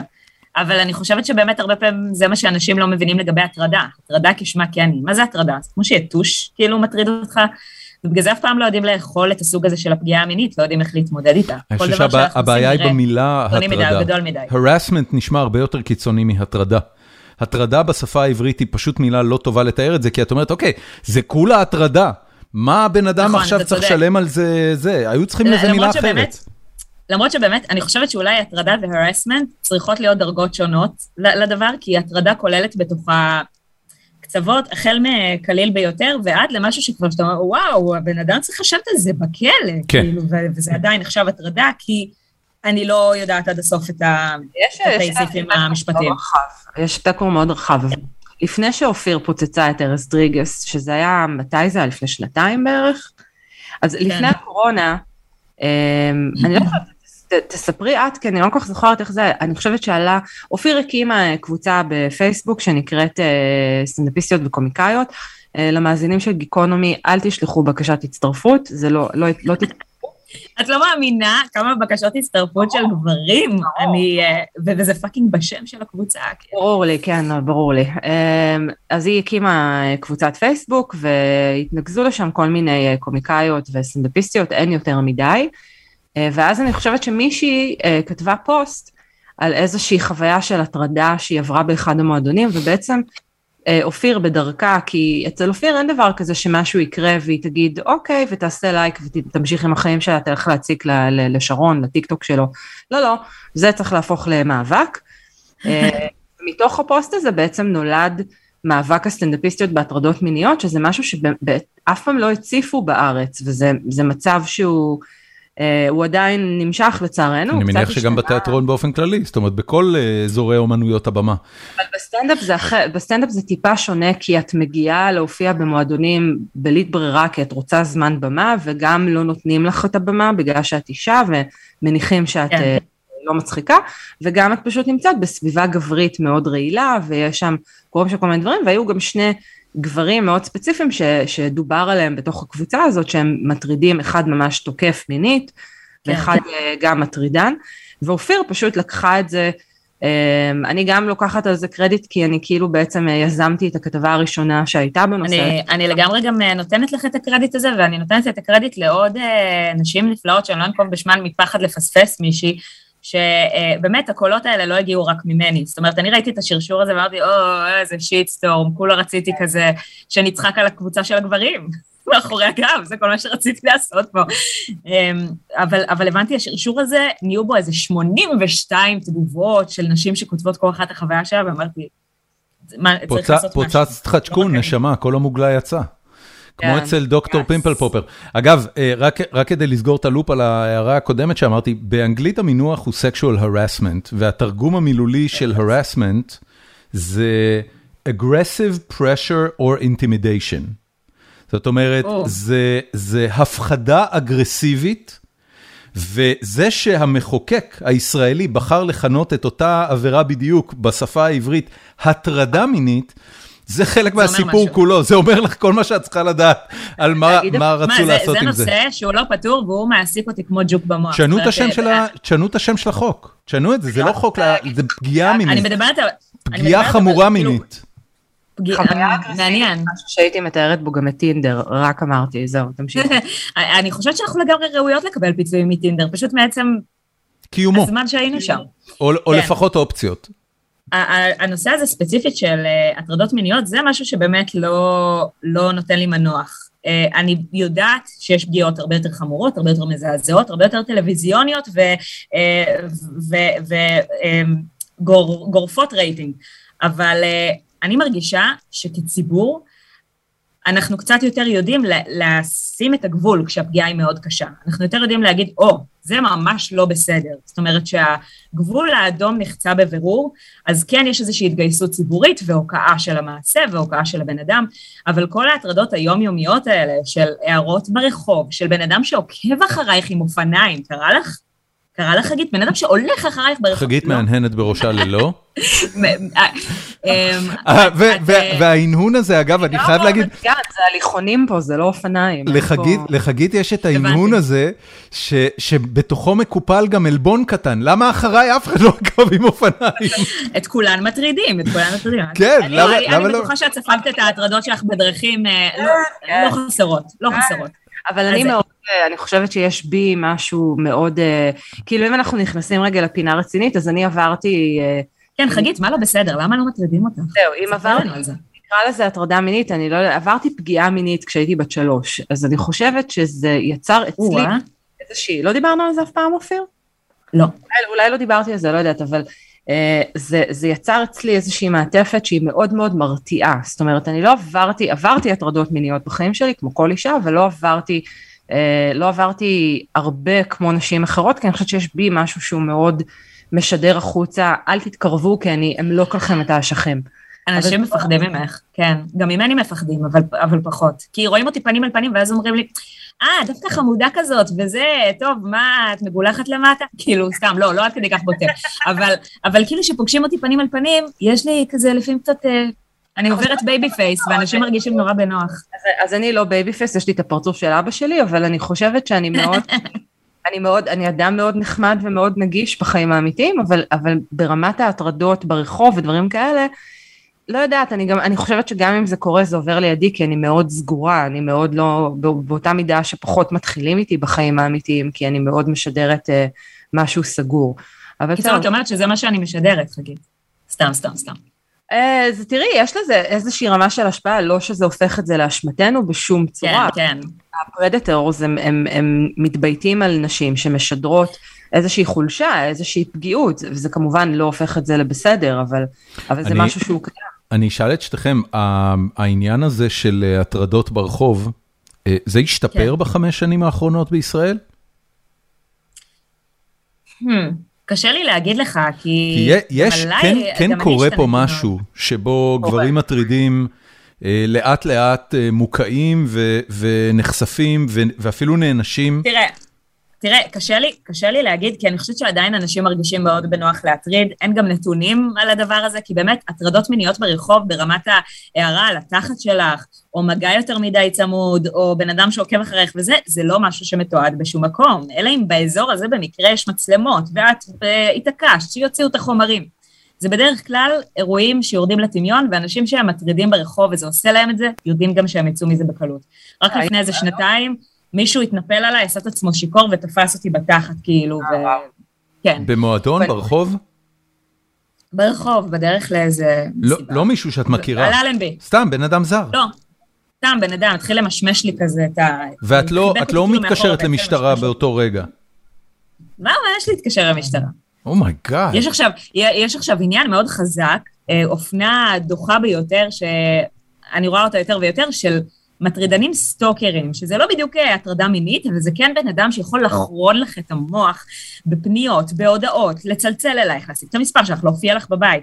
גם אה, מאיה לי לוי, אה, משפיענית מאוד גדולה בטיקטוק, ממש סיפרה בדמעות, היא אמרה, הבן אדם, הבן אדם איים לפרסם תמונות אינטימיות שלי, והמשטרה לא עושה עם זה כלום. אמרו לי, התלונה נסגרה מחוסר ראיות. ויש ראיות, אבל משטרה נגיד, לא יודעת מה לעשות עם דברים כאלה. כן, לא יודעת מה לעשות. ראיינתי פה את... פגיעה שהיא לא בגוף. את משה אברבוך לפני כמה חודשים, והיא אומרת בדיוק אותו דבר, כאילו, אה, היא כל כך, היא עובדת עם המשטרה בצורה מאוד צמודה ומעבירה להם חומרים על בסיס קבוע, והיא אומרת לי, תקשיב, אין לך בכלל על מי לסמוך. אין על מי לסמוך. מבחינת המשטרה, בגלל זה אני אומרת לנשים שאני מעדיפה לפנות למשפט אזרחי, נכון? זה לא יכניס את הבן אדם לכלא, אבל אולי תקבלי איזשהו פיצוי כספי. כל ההטרדות האלה שהן קטנות במרכאות, כי זה יכול לטמטם אותך. זו הטרדה קטנה, אבל היא מטמטמת אותך.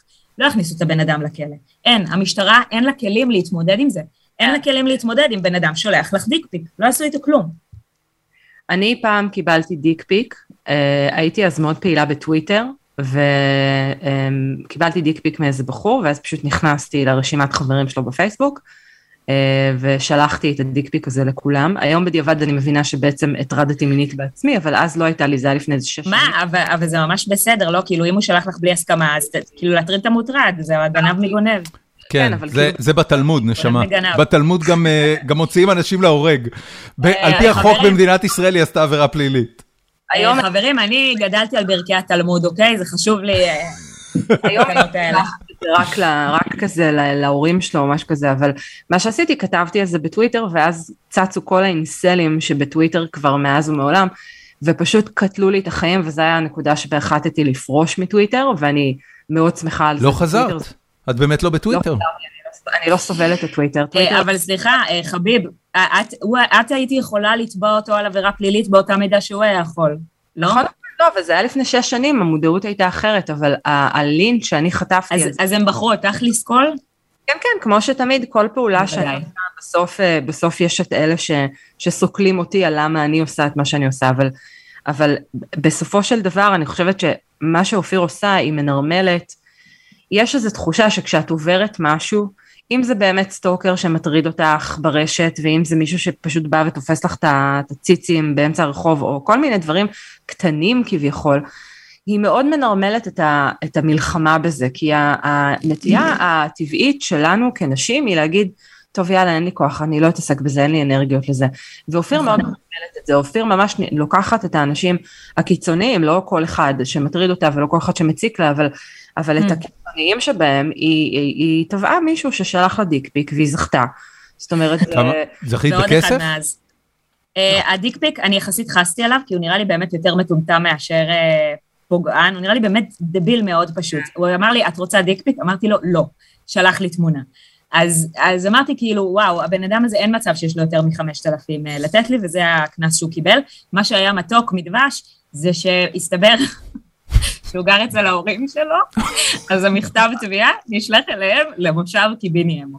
ואימא שלו פתחה את זה לפניו? הגיע לך דואר? אני ממש מקווה שכן. וואו. אה, אבל, אבל, אבל גם קצת לא נעים לי, כאילו, מה היא אשמה? למה בסוף, למה בסוף אנחנו פונות לאימא שלהם? סליחה, סליחה שאני שואל את זה, כי זה, כי זה, אה, הרי, הרי אין שום סיכוי בעולם שגבר יוטרד על ידי אישה ששולחת לו תמונה של איברי אה, הגוף האינטימיים שלה. כשמישהו שולח דיק פיק, זה. אני לא יודעת, כמה קיבלת? כמה קיבלת? כמה תמונות של כוס? אני ממש מרגיש רע, לא קיבלתי אחד בחיים שלי, אבל אני רוצה לדעת, הם שולחים אותו זקוף או רך? זקוף. זקוף, אבל אתה העלית פה ז'אנר חדש, אני מאוד מקווה שלא יתפוס תאוצה. לא, לא אתה יודע, האמת, אני עשיתי איזושהי... זאת אומרת, רגע, רק שאני אבין, המסר שהגבר הניאנדרטל חושב שהוא עושה כשהוא שולח את הדיקפיק, זה תראי שעומד לי, או... זאת אומרת, זה לא רק סתם, הנה הזין שלי, יש לי זין. תקשיב, אני קראתי על זה הרבה. אני קראתי על זה הרבה. Uh, לא, עדיין לא יודעים עד היום מה בדיוק מוביל אנשים uh, לשלוח דיק פיק, מה בדיוק מדליק אותם בדבר הזה, אבל כן, מן הסתם יש בזה אלמנט של הידלקות, uh, זאת אומרת, זה איזשהו, זה, זה מחרמן אותם, ויש כאלה שמחרמן אותם uh, המחשבה שאת מופתעת ושזה לא נעים לך ושלא ביקשת את זה, ויש uh, הרבה שהעידו, זה היה באיזשהו מחקר, לא יודעת, לפני כמה שנים, היו הרבה שהעידו שהם אפילו לא חושבים על התגובה של האישה כשהם עושים את זה, אז אני באמת לא יודעת מה... היום, היום אני, כאילו, את, את מקבלת דיק פיקס כמו שהיית מקבלת פעם? כי אני כבר לא... לא. לא, אבל את יודעת, אני גם, אני לא יודעת להגיד אם החברה השתנתה או אני, כי אני גם הרבה יותר ידועה כפותלת פינים, ככל שהזמן עובר.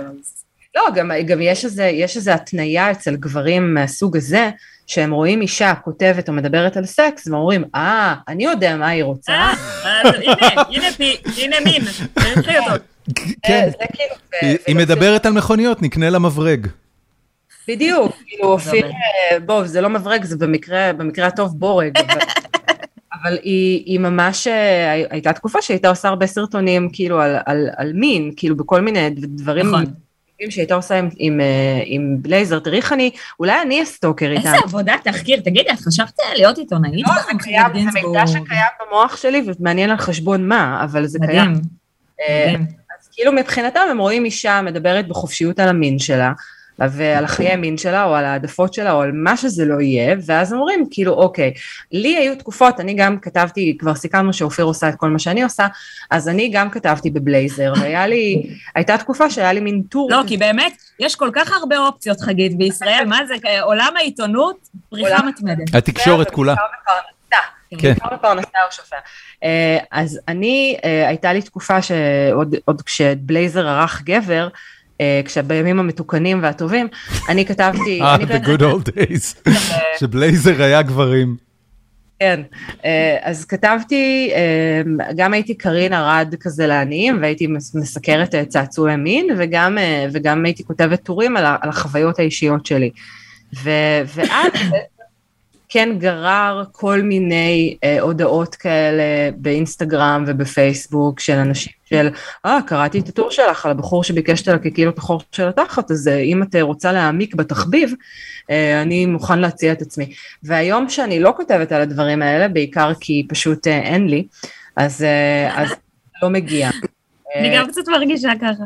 כאילו, כן. לא, הזמנים שבהם התעסקתי אה, במין בצורה כאילו כמעט אובססיבית, זה היה הזמנים שבהם באמת הפן הזה בחיי היה מאוד נוכח, ועכשיו אני כאילו הפכתי בבת אחת מרווקה, מרווקה לגרושה פלוס שניים. אופיר, אני רוצה אגב רגע אחד אה, לעצור, את יודעת, זה, זה תמיד מסקרן איך אנשים עולים לשיחת זום איתי, ו, וחלק מהזמן אנשים עולים עם רקע וירטואלי, זה קרה בפעם או פעמיים, אבל רוב הזמן אתה פשוט רואה רקע של איזשהו חדר, והרקע אצלך הוא ממש קסום, אז אני רק אסביר למאזיננו, בצד שמאל... המחסן הזה, זה מה רגע, רגע, שנייה, אני, אני רק רוצה... אני הולכת להביא מים. בסדר, כן. בצד שמאל שלך, יש אה, מנורה לצילומי אינסטגרם ומין אה, כן. מטריית תאורה כזאת שאני מבין ממנה שאת עושה תוכן לרשת. אה, מהצד השני יש ערימה של מזוודות. או ארגזים, אני, אני כאילו, אני צריך שתסבירי לי מה זה הדבר הזה, ואני רואה מדרגות, וכמובן בן הזוג שלך מסתובב ברקע נונסטופ, מביא לעצמו אוכל כן. ושתייה, ו, ו, ולמעשה חי. איפה את לכל הרוחות? מנסה שוב לגנוב לי את הפוקוס. איפה אני? שאלה מאוד טובה. זה חדר השינה שלנו. אוקיי. שכמו שאתה רואה, הוא אכן יותר מזכיר מחסן, ואם כבר דיברנו על היעדרו של סקס בחיים, יכול להיות שזה קשור אחד לשני. אנחנו, תראה, יחסית... את גר בתל אביב? זו דירה בתל אביב? זהו, זה פותר את כל השאלה שלך בעצם. זו דירה בתל אביב. הבנתי, והמדרגות האלה זה מדרגות לגג או, או למטה? לקומה הראשונה, לקומת אה, אפס, כאילו, לקומת קרקע. אז את במרתף. אני, אה, אני בקומת הורים, אדון. אני בקומת אה, הורים. קומת הורים. שהיא גם מרתף, זה נכון, אבל באמת דיברתי איתו על זה שחדר השינה שלנו הולך ונראה כמו מחסן, כי כל החפצי הצילום הם בעצם שייכים לשרון בנימין, בן זוגי, הטיקטוקר, הצלם והעורך. הבנתי. ו... עכשיו, ערימת המזוודות, ערימת המזוודות הזאת... רגע, רגע. כן. רגע, דורון, אני רוצה בתור מנחה אורחת.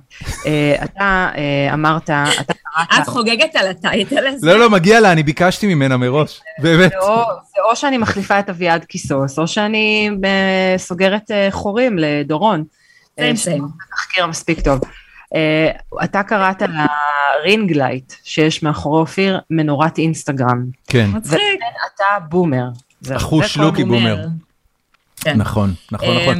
אבל רגע, אני רוצה רגע להתעסק במזוודות שבצד ימין, כי אה, יש פה ערימה של, אני רואה איזה ארבעה טרולים, אבל באמצע יש את הארגז פלסטיק הירוק הזה של שקיות חלב, שיש רק אגב בישראל, אין את זה בשום מקום אחר בעולם, וזה, נכון. אני רוצה להבין כאילו מאיפה הוא הגיע. זה השורשים הציוניים שלנו, החיבור לארץ הנפלאה הזאת, שייסדו... גנבתם לא, ארגז מסופר? זה נקרא, שרון לוקח מהרחוב כל מה שהוא יכול. יש לו, יש לו בעיה, הוא, הוא מזרחי פשוט, אתה מבין? אז הוא חי, אז הוא חי בתודעת חוסר. כן. אתה לא יודע מה היה לנו, אנחנו לפני כמה ימים בדרך להופעה שלי. בדרך ל... ל, ל לפסגת המימוש העצמי של הבת זוג הכוכבת שלך, מה עושה הבן אדם? לוקח בקבוק קטשופ שבן אדם השאיר מחוץ לבית שלו בגינה. פתוח? למה בן אדם בכלל... נעשה בו שימוש. אוי ואבוי. די מלא, די מלא, אבל פתוח. זה מאוד מרשים. אני, אני נעלבתי כמעט כאשכנזי אה, מדופלם, אני נעלבתי כי תודעת חוסר הומצאה על ידי אשכנזים הרבה לפני שהמזרחים אה, טענו שזה שלהם. עשו לה ניכוס, כן, ניכוס תרבותי. זה, זה אחד המקומות הבודדים שבהם המזרחים אה, מנכסים תרבותית את האשכנזים. אני גדלתי בתודעת אה, שואה אה, במשך דורות.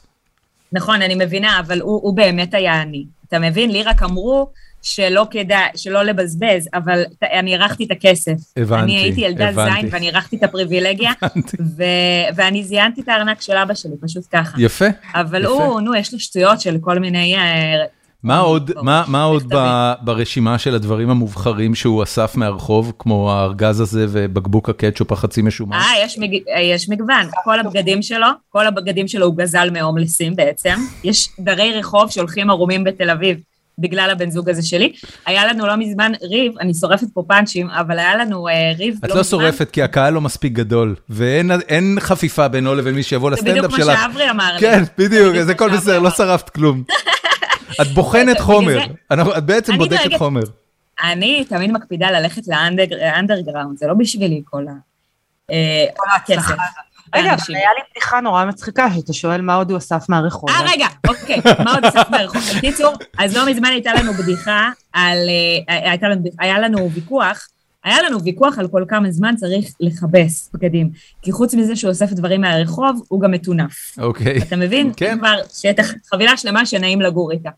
אז uh, כל כמה ימים לדעתך הוא אמר שצריך לכבס חולצה. טישרט? בישראל בקיץ נגיד? בקיץ בישראל בקיץ. הוויכוח התקיים, תראי, אם כינית אותו מטונף, אז זה צריך להיות uh, בטח שבוע. או, וואו, אתה הלכת רחוק חמישה ימים, וזה היה מספיק מזעזע בשבילי. הוא אמר, כן. חמישה ימים, כן, שאתה כן, לובש את אותה חולצה ביום בוקר עד מה הלילה. פתאום? בישראל. מה פתאום? בתל אביב. אתה אחרי פעם אחת שאתה לובש אותה, מה זאת אומרת? ברור, ברור, זה פיקוח נפש, זה מז... אני לא מסוגל להביא את עצמי לזרוק שואלים. חולצה לכביסה אחרי פעם אחת שאני לובש אותה, אני, זה ממש, מתלכלכת. היא מתלכלכת. עד כמה היא ספוגה בזיעה עד- אחרי פעם אחת שאתה לובש אותה. שוב, אני מזכירה, בתל אביב, די קרוב אני, לים. קודם כל, רק- שיהיה. ברור, מזג האוויר באוסטין, טקסס הוא לא שונה דרמטית מתל אביב, בטח לא באחוזי הלחות, ורוב הזמן גם לא בטמפרטורות. אה, נכון. את יודעת משהו, אם אני, אם אני, ברחוב, אם אני מסתובב, נכון. נכון, יורים יותר בתל אביב, אבל, אבל יש יותר נשקים באוסטין. יש בזה אה, משהו. הם פשוט יודעים לשמור על הנשק שלהם. אני חושב שכן, אני מבין למה, אני מבין למה זה מפריע לך, אבל זה באמת, זה הפרעה סליחה, עמוקה. דברים, עוד דברים שהוא אסף ברחוב. היום הביא לי ספר, האמת שמתנה מרגשת, הביא לי ספר, הנשים הגדולות, הנשים הגדולות והמרשימות, יש שם אה, סימון דה בובואר עד אה, ביונסה, אז לפעמים יש לו גם הצלחות שם, אבל בגדול כל מה שיצא לרחוב, יישמרו לכם מפני השרון. הוא אני כל יאסוף. כך מצטערת שאין לי בן זוג עכשיו, באמת, אני מרגישה שאני מחמיצה מחלות. אני מרגישה שאולי המערכת החיסונית שלי חלשה בגלל שאין לי בן זוג שמביא לי טינופת הביתה. איך אומרים, זוגיות זה מחשל. זה באמת מחשל. המון שיעורים. לומדים מזה. כמה, כמה זמן אתם ביחד, אופיר?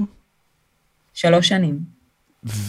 וזה המערכת יחסים הכי ארוכה שהייתה לך? עוד אין לי קלמידיה. מה? אני שמח לשמוע, קודם כל. מה- מה שאת? ברכות. אה, תודה. זה המערכת יחסים הכי ארוכה שהייתה לך? כן. הייתי לפני זה רווקה מקצועית, הייתי שש שנים רווקה. שש שנים רווקה. ומה, אבל שש שנים היא אומרת שהיא הייתה מקצועית, אני אסתום את הפה כי הפודקאסט הזה הוא לא עליי. דורון, איך אתה באינסטגרם? איך אתה קרוי באינסטגרם?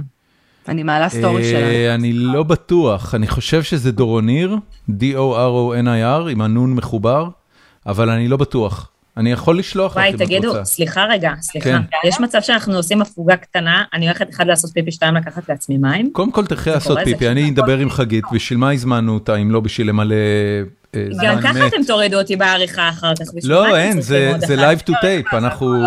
כן, למה את חושבת מקליט יום לפני? כן, בדיוק. רגע, אבל, אבל יש עריכה, נכון? זה לא שעכשיו כולם ישמעו שיש לי צרכים ואני אשא אותם בשירות. כולם ישמעו. אם, אה, תראי, אל תקחי איתך את המיקרופון לאסלה. פשוט התדמית שלי היא כזאת של דיבה, אתה יודע. אני חושב שהתדמית. תקשיבי, התדמית שלך לא תיפגע, את יודעת, אם אימי שומר יכולה... היא לא יכולה יותר להיפגע, התדמית שלי. לא, לא, יותר אני מעבר כבר לזה. אה. אני אשים אותך במיוט, ואת אה, תעשי מה שאת צריכה, ואז תחזרי. חגית, חגית, את מעשנת בשרשרת, זה כבר סיגריה מהשלישית שלך?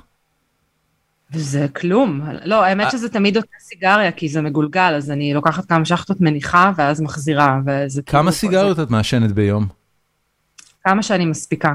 כמה שאפשר. כמה ש... תמיד שואלים אותי כמה את מעשנת, כמה שאני מספיקה. ואף אחד לא, כאילו, מה? איך? אני, ב, לכן באוסטין טקסס זה לא... לא מעשנים כבר, אין, זה לא, את לא רואה את זה בשום מקום. זה דבר, זה התמכרות נוראית, אבל אה, תשמע, אני לא אוכלת, אני לא שותה, אז אה, זה בערך הדבר היחיד שנשאר לי. אני לא עושה שופ. לפני שבוע הלכנו פה לסטנדאפ של אה, שרה סילברמן. אוי, ו-. כן, היא נהדרת, אבל היא קצת, אני תכף, תכף אני אגיד לך, היא ביאסה אותי טיפה, אבל אה, בזמן שעמדנו בתור, בפעם הראשונה מזה שנה, מאז שעברנו לאוסטין, אה, מישהי עמדה בתור מאחוריי, את יודעת, אנחנו כאילו מחכים לבידוק הביטחוני לה, להופעה, ומישהי עמדה בתור מאחוריי והשנה סיגריה. וזה היה לי כל כך מוזר, לא ראיתי בן אדם סתם ככה מעשן סיגריה ברחוב, לא כל שכן בתור להופעה. שנים אני חושב, בטח פה בארצות הברית, בקליפורניה היו סוקלים אותה עוד לפני שהיה מגיע הבידוק הביטחוני. ואת מעשנת בשרשרת, זה דבר מדהים. בארץ מעשנים, בארץ- עוד מעשנים מלא. מעשנים גם, לא מעשנים אבל בהופעות סטנדאפ. את לא תמצאי מישהו מעשן מולך. לא, אה, רק אם זה כזה בחוץ. אם זה בחצר וזה, אז כן, בטח שמעשנים. היו לי הרבה הופעות חצר בקורונה, ובטח. בטח איזה שמעשנים. קטע מגניב. לא, על אנשים, זאת אומרת, אתה... אתה אם כן מישהו שואל יבקש אז יכבו או שיכבו עליו? יכבו, ש- לא, לא, יכבו ויזוזו הצידה לגמרי, זה כאילו, זה הרבה יותר תרבותי היום, אבל המון אנשים מעשנים, גם בסטנדאפ יש המון אנשים שמעשנים סיגריות, ווויד. אבל באוסטין אה, וויד זה חוקי? לא. אה, תכף נדבר על זה. אה, אופיר. ברוך שובך. כן, כן, היה טוב. זה היה קצר, זה לא היה, כאילו זה לא אני היה כבד. אני יורה. גם אלך אני לעשות. מכוונת ויורה, לא מסתכלת לצדדים. כמה- כמה מאזינים אתה חושב שרדו את השיחה הזאת? אני. אני מעריך שהפרק הזה יגיע אה, במהלך שלושת החודשים הראשונים שלו לאזור העשרת אלפים האזנות. שלוש צפיות. מה? אוי ואב, מה? הייתי צריכה ממש להיות הרבה יותר ייצוגית. לא, לא. כל הדברים עכשיו הם ידעו? תקשיבי, הפרק, כן. הפרק שעשיתי עם, אה, יודעת. גו- הפרק שעשיתי עם אה, גורית בירנבוים, אה, על, עם שירלי גל, על, ה, על המיניות האנושית, עבר כבר את ה-7,000 או 8,000 האזנות, וזה פחות מחודש. נויס. כי זה היה על מיניות, אתה פה, מה תהיה הכותרת של הפרק הזה? שתי סטנדאפיסטיות אוכלות את הראש ואני מקליט את כל העניין. לא, אני אגיד לך בדיוק מה בעצם הולך להיות ההפך הכותרת. ממיניות, אני מזמין את זה. אני ממציא את זה ב live, אבל אני יכול להגיד לך כבר, זה הולך להיות אה, לתפארת מדינת ישראל, עם אופיר סגרסקי וחגית. גינזבורג. מינוס שלושת אלפים והולך לצאת ביום העצמאות. אני חושב, לא, לא, כי יש פה כל מה שאני צריך בשביל עצמאות מדינת ישראל, ואיך אני רוצה שהמדינה הזאת תיראה בשנים הקרובות. אבל אני אתה יכול לפרט. לך אורחת, חגית גינזבורג, לא סתם אופיר סגרסקי וחגית גינזבורג, אלא מצוין. אופיר סגרסקי. רגע, אני חייבת לומר, אני חייבת לומר שרק ברגע זה בעצם הבנתי שלגמרי התכוונתם ברצינות שהכל עולה כאילו ב live. במאה אחוז, כל מילה שלך. אופיר, פעם, פעם דורון הגיש את הפודקאסט עם אה, עוד בחור שלא זוכרת את שמו, והוא כנראה נפטר, ו... והם הזמינו אותי לאולפן, וזה היה לפני, לדעתי, שש שנים כבר. ואני באתי בשיא הקלילות, אמרתי, טוב, זה יהיה הקלטה של שעה, שלוש שעות. יואו, והכל חרינה. אני אגיד לך- אני אגיד לך גם למה, יש... אה, כשחשבנו על הפודקאסט הזה במקור, אני וראם שרמן, שאגב עדיין מקליט פרקים ומקליט יותר ממני, אז אה, חגית, יצאת, אה, יצאת קבב. אה, אבל אבל- זה טוב, זה כן, בשרי, כן, זה מאוד טעים, רק אתמול אכלנו קבבים. לקראת יום העצמאות. בדיוק. אז, אה, אז אה, אני נורא רציתי לראיין את חגית, כי היא הייתה קסם בעיניי, היא הייתה מלאה בכל... אה, יש עליי איתה. לא, לא, ואז הכרת אותה באמת? את- כשהכרתי אותה באמת זה רק נהיה יותר גרוע. אה, אתה אתה הולך פה על אה, טרמינולוגיה של אני- אה, קאב מלאה, הייתה.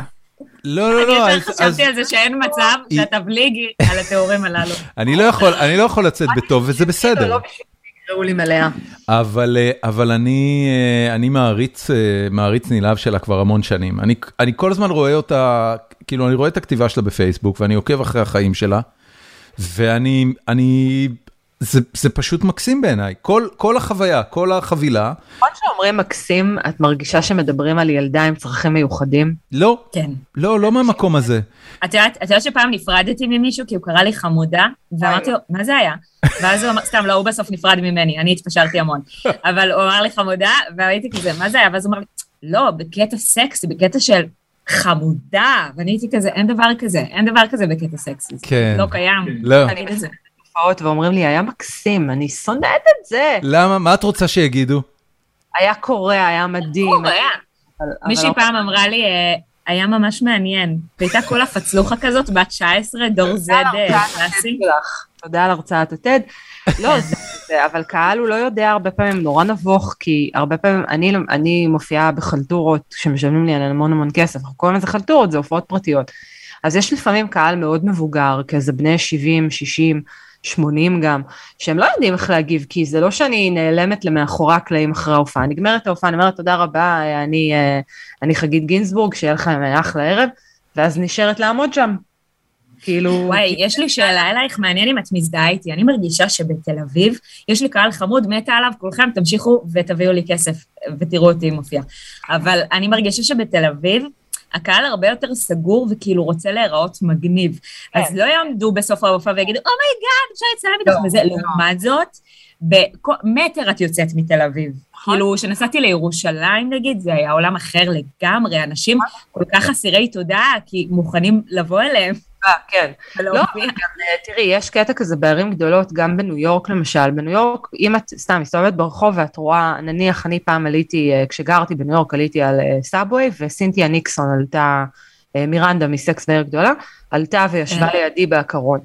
בניו יורק זה לא מקובל, כאילו, to fan girl anyone, כאילו, את צריכה להיות הכי קולית, אה. משהו שהוא גם נורא. לעשות כאילו את לא רואה את זה אפילו, זה לא נוגע בה. היא כאילו, הלכה- היא לא הלכה עושה לפוליטיקה אם אני לא טועה, לא? סינתיה ניקסון? לא, כן. היא עדיין משחקת.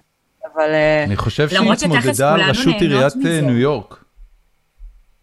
לא יודעת. אה, נכון, נכון, גם אני, ש... נכון, היה פאזה כזה. אני לא אה, באמת עוקבת אחרי רציתי היום. להגיד לך שזה קטע, זה קטע, קטע קצת עצוב, כי כאילו, גם הרבה פעמים בתל אביב, אז אומרים לי, סליחה אם זה קריפי, סליחה אם זה סטוקרי, וזה הכי לא, את יודעת מה סטוקרי? כל היצורים, כל היצורים שאני מקבלת באדרס, זה הכי לא, זה הכי אומרת, את אומרת לעצמך, יואו, אשכרה רק יצורים אוהבים אותי, ואת לא מודעת לכל הנשים המהממות, בנות ה-20. נכון, נכון, נכון. והן פשוט מספיק נורמטיביות בשביל לא לעוט עלייך באמצע הרחוב. אני, אני מקבלת בזמן האחרון אה, המון כאלה, זה מאוד מוזר, כאילו, אני לא, אני לא כל כך יודעת. כי אני הולכת לכל מיני מקומות סתם, ישבתי בתחתית לפני כמה ימים, והמלצרית שם, זיהתה אותי כן. מהערב שאני ואת הופענו אצל גיא אדלר, יש איזה line של אה, סטנדאפיסט מאוד. נכון. גיא אדלר, וסתם, ואני ואופיר הופענו שם, והמלצרית הייתה אה, בערב הזה, המלצרית שהייתה לי בתחתית, והיא אמרה לי, יואו, תקשיבי, את מדהימה, ואני הכרתי אותך גם לפני, ופשוט עמדה חמש דקות ותיארה איזה מהממת אני ואיזה מצחיקה אני, ואני כאילו ישבתי שם ולא הבנתי על, מה, על מי היא מדברת, כאילו כל הזמן הסתכלתי אחורה לראות, כאילו איך יכול להיות שאני הד- הדיכאונית החרדתית, למה זה כל כך קשה לך? זה לא קשה לי, זה פשוט מוזר לי, כי אני פעם הייתי בעמדה הזאת של להעריץ אנשים אחרים ולאהוב אנשים אחרים, והיום, ש... וגם כשאני, ואני בטוחה שאופיר תזדהה עם זה, כשאני מפרסמת טקסט מאוד חשוף על, אה, על זה שהלכתי לפסיכיאטר, או על הבדידות שאני מרגישה, או על משבר גיל 40, או whatever, אז אני, אז אני לא חושבת על האנשים שרואים את זה. זאת אומרת, לגמרי. הזדהות מלאה. כן. כן, את לא, את לא, אני כותבת את זה בשביל עצמי, ואני צריכה קהל כי אני אדם דפוק, אז אני, אני צריכה הדהוד של קהל. אז כן. אני מעלה את זה, אבל אני לא חושבת על זה שאנשים אשכרה קוראים את זה, חושבים על זה, שולחים את זה לחברים שלהם, וזה באמת מה שקורה, וזה תמיד, זה מאוד מאוד מרים, זאת אומרת שמישהי באה אלייך, או כש... עכשיו חזרתי שנגעת לאפליקציה. בה עם הטקסט. כן, עכשיו חזרתי. זה מאוד מרים. סליחה, כן. לא, לא, אני רק רציתי להגיד שחזרתי כזה לטינדר וזה, ופתאום כל בחור שיש לי מאץ' איתו, יודע מזהה עלייך הכל. ואומר לי, תראי, הם לא יודעים עליי הכל, כי אני לא באמת חושפת הכל, גם אם זה נשמע, אה, וזה זה הכלי, זה, זה הכלל, אופיר, לא כן, באמת כן. הכל. אה, אל תגיעי לשם, ימלאו לך 30 והמוח יתיישר, אבל אה, זה, זה פשוט, הם כאילו אומרים, יואו, איך קיוויתי שיהיה לי מאץ' איתך, אני מת עלייך, ואני כזה, אוקיי, כאילו, זה מאוד מוזר, וזה גם מאוד מאוד כיף, זו תחושה כאילו של... כי אני חושבת שאופיר מאוד תזדהה איתי שרוב הזמן אנחנו מרגישות נובדי ולוזריות, לא משנה כמה הישגים יש לנו. אני יכולה כן. להעלם את אופיר. אופיר למשל עושה סטנדאפ פחות שנים ממני לדעתי, לא בהרבה. נכון. את עושה כמה? חמש שנים? חמש שנים, כן. חמש שנים, אז אני, אני עושה שבע. והיא יצאה במופע מלא הרבה לפניי, ואני מאוד, אה, מאוד הערכתי אותה על זה. כי מה בסטנדאפ מה זה מופע מלא? כמה- כמה שעות, כמה דקות חומר? לא, זה פשוט ללכת, לקחת את הבמה, זה לא באמת משנה כמה זמן, זה בטח איזה שעה. שיקנו. כרטיסים אליך, לא שעה, לערב. שעה ורבע. כן. כן, שעה אבל ורבע כזה.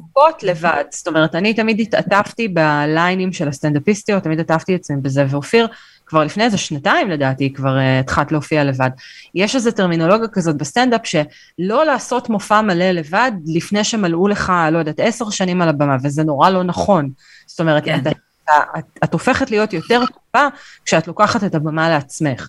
ושאת לגמרי. נותנת את השעה ורבע האלה, ואופיר עשתה את זה לפניי, וזה, יש פה איזה ברחש. ל- לאופיר יש בן זוג שמסתובב מאחורה, ולי יש כלב וברחשים. וזה ממש, זה ממש כאילו, זה, זה מאוד מעורר השראה, אני חושבת שגם, זה גם חלק מזה שאני קוראת לה הדור החדש של הסטנדאפיסטיות. כי היא אמרה, די, אני סטנדאפיסטית, יש לי שעה ורבע של אה, חומרים, אני עכשיו יוצאת יאללה. הופעה, אפשר לפתוח קופות. והיא ממלאת כן. את סבתא שתיים ומופיעה מחוץ לתל אביב, וזה אני עשיתי שתי הופעות מלאות, ומאז אין לי, אין לי אומץ לפתוח קופות בעוד מקומות, אה, וזה מדהים, זה באמת מדהים. מה זה- מה זאת אומרת אין לך. אומץ? זה לא פשוט עניין של ביקוש? אה, אז זאת הבעיה, משם נובע הפחד לגלות שאין ביקוש. זאת אומרת, זאת אומרת אה, האקט של לעשות את ההופעה ולהתחיל לשאול מי רוצה to book you ואז לגלות שאולי לא כל לא, כך? זה, זה פשוט לסגור מקום, את סוגרת איזשהו אולם איפשהו, בחורים שונים בארץ, לפי סדר גודל מסוים, זאת אומרת, אני לא אקח מקום של יותר מ-100 איש כרגע, ואז הפחד הוא לגלות שאפילו את לא מצליחה להגיע ל-100 איש, וזו התמודדות עם, מול האגו שלך עם עצמך, כי בסוף מה שחשוב נכון. זה ללכת ולהופיע, וזה לא משנה אם זה ל-20 איש, גם אדיר מילר הופיע פעם ל-20 איש. אבל אה, נכון. זה אגו, זה לפגוש את האגו שלך במקום זה, זה לגמרי אגו, ו- ואני אני מסכימה איתך שזה זה חרדות וזה קשה כל פעם מחדש, יאמר לזכותך בליין שאת אה, מנהלת במועדון הסטנדאפיסטיות בצוותא, את הכי צ'יל בעולם, כאילו אני לא מכירה עוד מישהי שמנהלת דבר כזה, והיא כאילו... אבל זה בגלל שניהלתי... מה שיקרה יקרה, כמה אנשים שיגיעו יגיעו. לא, אבל זה בגלל שניהלתי, תראי, קודם כל אני משדרת שאני צ'יל, אני לא באמת כזה צ'יל, כאילו ביום של ההופעה אני אומרת, אה, אולי כדאי שאני אבדוק כמה אנשים קנו כזה.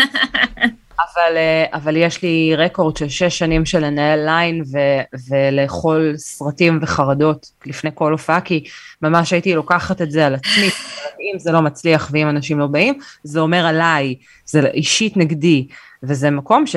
אני חושבת... את היום כבר לא לוקחת את זה לשם? מאוד uh, מכירה את זה.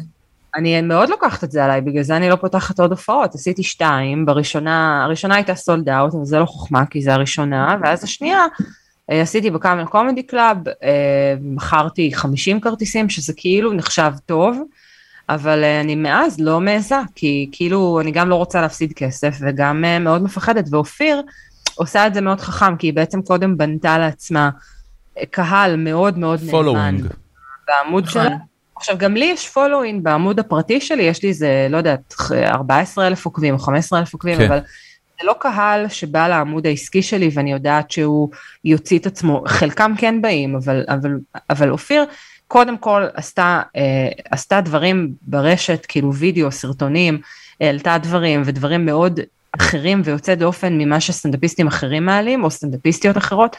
אז אני mm. חושבת שזה גרם לאנשים, בגלל שהיא נורא נורא אמיצה, ואני חושבת שאופיר אומרת דברים שלי, אני לא בטוחה שיהיה לי אומץ להגיד, אה, אז בגלל שהיא כאילו יצרה את הדבר הזה, אני לא יודעת כמה זה היה מכוון, אבל העובדה שהיא בנתה זה היה מכוון אופיר? לא, זהו, בדיוק עמדתי להגיד, דיברנו על זה גם קודם, שאת אמרת, חגית, שכמו שאת uh, מכירה אותי, אנחנו לא, אין לנו איזה תוכנית חומש, כאילו, אנחנו לא כאלה שעושות משהו, כי אנחנו אומרים, אה, אז עוד חמש שנים, אני מתחילה פה אני, כדי להיות אני חושב שזה תוכנית, רוצה לראות כמה אני בומר? זה לא כן. תוכנית חומש, זה תוכנית חומש. את גדלת בחינוך דתי או משהו? אה, אה, חומש, נכון, חומש זה לגמרי, לא, אני אגיד לך מה העניין. אה, זה תסמונת של בחורה עם הפרעות קשב וריכוז, okay. אוקיי. שלא הקשיבה מעולם בשיעור, ואת כל מה שהיא יודעת, יודעת מהמילה הכתובה בלבד. אה, אז זה לא מנוקד לך, בראש זה לא מנוקד לך. זה לא מנוקד לי, ויש מילים מאוד בסיסיות, שאנשים פתאום שומעים אותי אומרת בצורה שהמצאתי לחלוטין. אוי, זה גאוני. אה?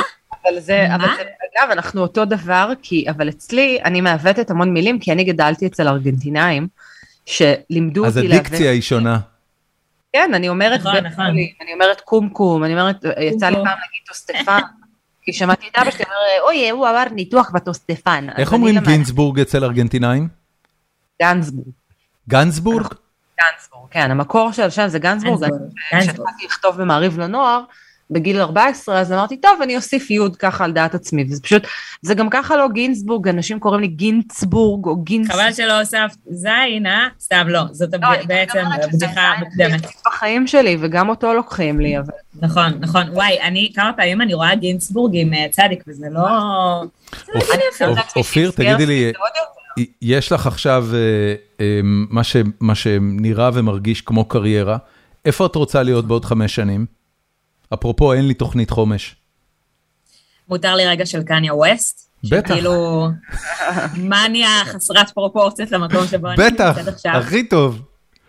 מאוד ישראלי, אה, אגב, מאוד ליום העצמאות. ישראל בהגדרה היא מדינה עם עם אה, שאפתנות מוגזמת ביחס לגודלה ויכולותיה.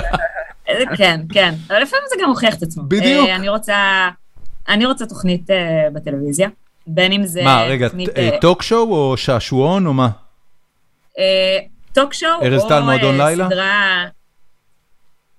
קצת פחות, אה, כאילו אופיר סגרסקי תוכנית אחרת. אוקיי.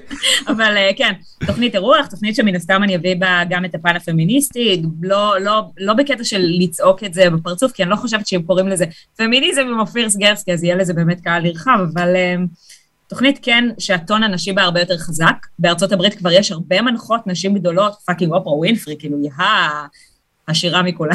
כן. אמ, אז אני חושבת שאנחנו מוכנים לזה, אנחנו יכולים להיות מוכנים לזה גם אה, אצלנו, ואני בעצם השוויתי את עצמי עכשיו לאופרה ווינפרי. כן. אה, יש לי אה, שלל סדרות עלילתיות שאני עובדת עליהן כהצעה, כי אני באמת קלישאה מוחלטת של תל אביבית. וזהו, לשם אני פונה כרגע. אני גם קצת כותבת מחזות. עזוב, אבל. רק כדי, אבל- רק כדי uh, לעשות את האנלוגיה הנכונה לאופרה ווינפרי, אופרה ווינפרי לא כתבה סדרה מעולם, היא מפיקה המון דברים, אבל היא עושה את זה אבל בגלל יש שיש לה מלא. כסף. לא, לא מבחינת ההנחיה, זה לזה התכוונתי. אוקיי, זאת אומרת, לא, את לא, אה, לא חושבת. זה לא סדרה, את לא מדברת על אה, לעשות, אה, סדרה משלך שאת הדמות שלה. זה לא מודל לא, סיינפלד. אה, זה כן מודל סיינפלד? אוקיי, הבנתי. גם וגם. לא, זה לא מודל סיינפלד, אבל יש talk show שיש לי בראש, ומעבר לזה, כיוון שאפשר לחלום בהגזמה, אז כן, יש לי גם סדרות עלילתיות. אני מת על זה. אני מת לראות את זה כבר. בסדרה. תשים כסף. אוי, איזה אות דבר על זה. אחרי זה. אה, רגע, כן, בוא נסגור, בוא נעשה סדרה. אמ, בוא, אני רוצה לחזור אבל רגע למקודם, שאמרנו שאני לא באמת תכננתי מה יהיה. אני התחלתי לעשות סרטונים ברשת, כי, כי לא רצו אותי, כי הרגשתי שלא רוצים אה, זה הסיבה. שכולם מתחילים לעשות סרטונים ברשת. זה- ככה גם פודקאסטים לא לי. מתחילים. כן, כן. האמת שכן, בטח. זה הדחויים. תקשיבי, זה, אנחנו זה, הד- זה, לא עניין. זה לא עניין של הדחויים, זה עניין שיש אה, יש, אה, פילטרים מאוד מאוד ברורים להיכנס לתקשורת מיינסטרים. את יודעת מי מגיע לגל"צ, את יודעת מי מגיע, לא יודע מה, לעשות תוכניות ל- לכאן או לערוץ 2, קשת רשת, whatever. אה, לא, אני לא מדברת אפילו על זה, אני הרגשתי לא רצויה במועדונים הכי ביזיוניים של הסטנדאפ, של, שמופיעים ליינים בחומוסייה. אז אמרת fuck it, אני. אעלה את זה ליוטיוב. כן, הרגשתי, ש, הרגשתי כן? ש, להגיד ש, למה. שאני באה ברע לאנשים, כי, ו, ואני גם יכולה להבין למה. זאת אומרת, הסרטונים התחילו די קצת אחרי מאבק הסטנדאפיסטיות. והפרצוף שלי, ועוד כמה פרצופים, גם כאילו, חגית, את, את אומרת בעצמך שאת הרגשת כזה דיס במועדונים כן, מסוימים. אבל אני שמה עליהם זין אחד גדול. חגית, איפה את בעוד חמש שנים? זה תהליך. איפה אני בעוד חמש שנים? כן. בבית אבות. מבוגרת מאוד. אוי נו, אלוהים. רגע, אני רוצה, אני רוצה להראות לכם את הזכר בבית שלי. יש לך זכר? יש לה זכר? כן. זה כלב. אה, זה כלב זקן, בן 15, וואו, יואו. 15. לרדת. הוא רוצה לרדת. יש לו. פרצוף של תרדימי אותי כבר וזהו. חס וחלילה. חיים אני אומר לך, הוא נראה- הוא נראה. שבוז. עישנת עליו? הוא פשוט שונא שאני, שאני מרימה אותו. אז זה הבעת הפנים, הוא פשוט שונא. ותגידי, איך, אם, אם אנחנו יכולים רגע לאבד עוקבים באופן משמעותי, מה שלום הכלב? באמת אני רוצה לשמוע. לא, הוא ממש בסדר, הוא פיקס, כאילו... מה עושים כדי. שכלב יגיע לגיל 15 במצב כל כך טוב? לי יש כלבה בת שנתיים. ואני, מהיום שלקחנו אותה, מכיוון שיש לי אה, אה, תודעת זמן נרחבת, אני כן. כבר בחרדה מהרגע. כן. יואו, אתם, יודעים מה קלטתי? היום, זה נשמע כאילו אני מנותקת מזה רגשית, אבל זה ההפך הוא הנכון. היום אימא שלי אה, מרדימה את הכלבה שגדלתי. אוי אה, אוי, ואבוי. קראתי את הפוסט שלך על זה. כן. היא, חולה במחלה סופנית, והיא רק בת אה, תשע. היא, כלבה אוקיי. גדולה, אבל היא בת תשע. אוי, אני נורא מצטער. זה נורא. זה קורע את הלב הדבר כן. הזה. זה נוראי. אני חייבת להגיד על, על, על, תראה, בגדול הכלב שלי הוא אה, גמד שמן מעורב, אז אני חושבת שמלכתחילה נקודת... בגלל זה את בוחרת את הגברים שלך ככה? אה, את, את, מי הגברים, את מכירה את הגברים שאני בוחרת, את יודעת שאת שותפת, אבל, אה, אבל בגדול מאוד חשוב להקפיד על אוכל ממש טוב. אה, מה זה כאילו, אומר אוכל ממש טוב? מה, הוא כן. אוכל, אה, הוא אוכל אוכל רפואי, לא, אתם צריכים לראות אותו, הוא יושב כרגע, מה זה. אוכל רפואי? רגע. אוכל רפואי אה, של חברת דה הילס, שזה, הוא פשוט כלב שמן, אז כדי לשמור על המשקל שלו, הוא כבר הרבה שנים, אני קונה אה, ב-430 שקל. וגם אה, נתת לו ויטמינים, וכשהוא היה יותר צעיר, אז הקפדתי מאוד לתת לו לרוץ ולקחת אותו לטיולים. ותראו, בגדול, בגלל שאני, אה, איכשהו בשיחה הזאת אני מדברת הרבה על זה שאני רווקה, זה לא משהו שאני כבר עושה. אבל בגלל שאני בת 40, ואני לא, אין לי זוגיות ואין לי ילדים, אז בעצם... את עוד לא בת מה ש- 40, את תהיי בת 40. בעוד ב-30 למאי, אנחנו היום כן. בראשון למאי. אמ, אז, אז פשוט אה. כל המשאבים שלי הלכו על הכלב הזה, הוא היצור שאני הכי אוהבת בעולם, אז אני פשוט, יואו, יואו, יואו. נראה לי מזל, נראה לי שזה פשוט מזל, כי הוא באמת כלב בריא ו, ו, ונרגן. לא, ו- תקשיבי, הוא ז- הוא וסליחה, זכה סליחה שיש לו אותך בתור אימא, את יודעת את זה, נכון? נכון, נכון. אה, הוא מאוד בר מזל, הוא מאוד, אה, הוא מאוד לא מעריך את זה, הוא הוא בעיקר נראה לי שהוא מיצה אותי, אחרי 15 שנה, נראה לי שפשוט מיצה אותי, גם אני מיציתי את עצמי, האמת, אבל הוא... יואו.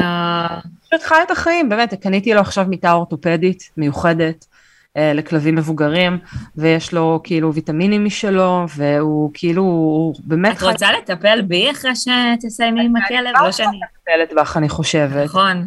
כאילו, מה, המיטה הזאת נשמעת לי פצצה, אני קמה פה עם כאבי גב, אני משקיעה. מרתף. טוב, ת- תקשיבו, אנחנו- אנחנו אה, מתקרבים לסיום הפרק, ומכיוון ש... רגע, זה לא פודקאסט על כלבים? על אה, כלבות. היו לנו על... אה, יופי, חגית. אמ, אני רוצה לשאול אתכם, מה נאחל למדינת ישראל ליום העצמאותה ה-74? זה זה כמובן חייב לכלול את תוכניות ההצלחה שלך, אופיר, ושלך, חגית.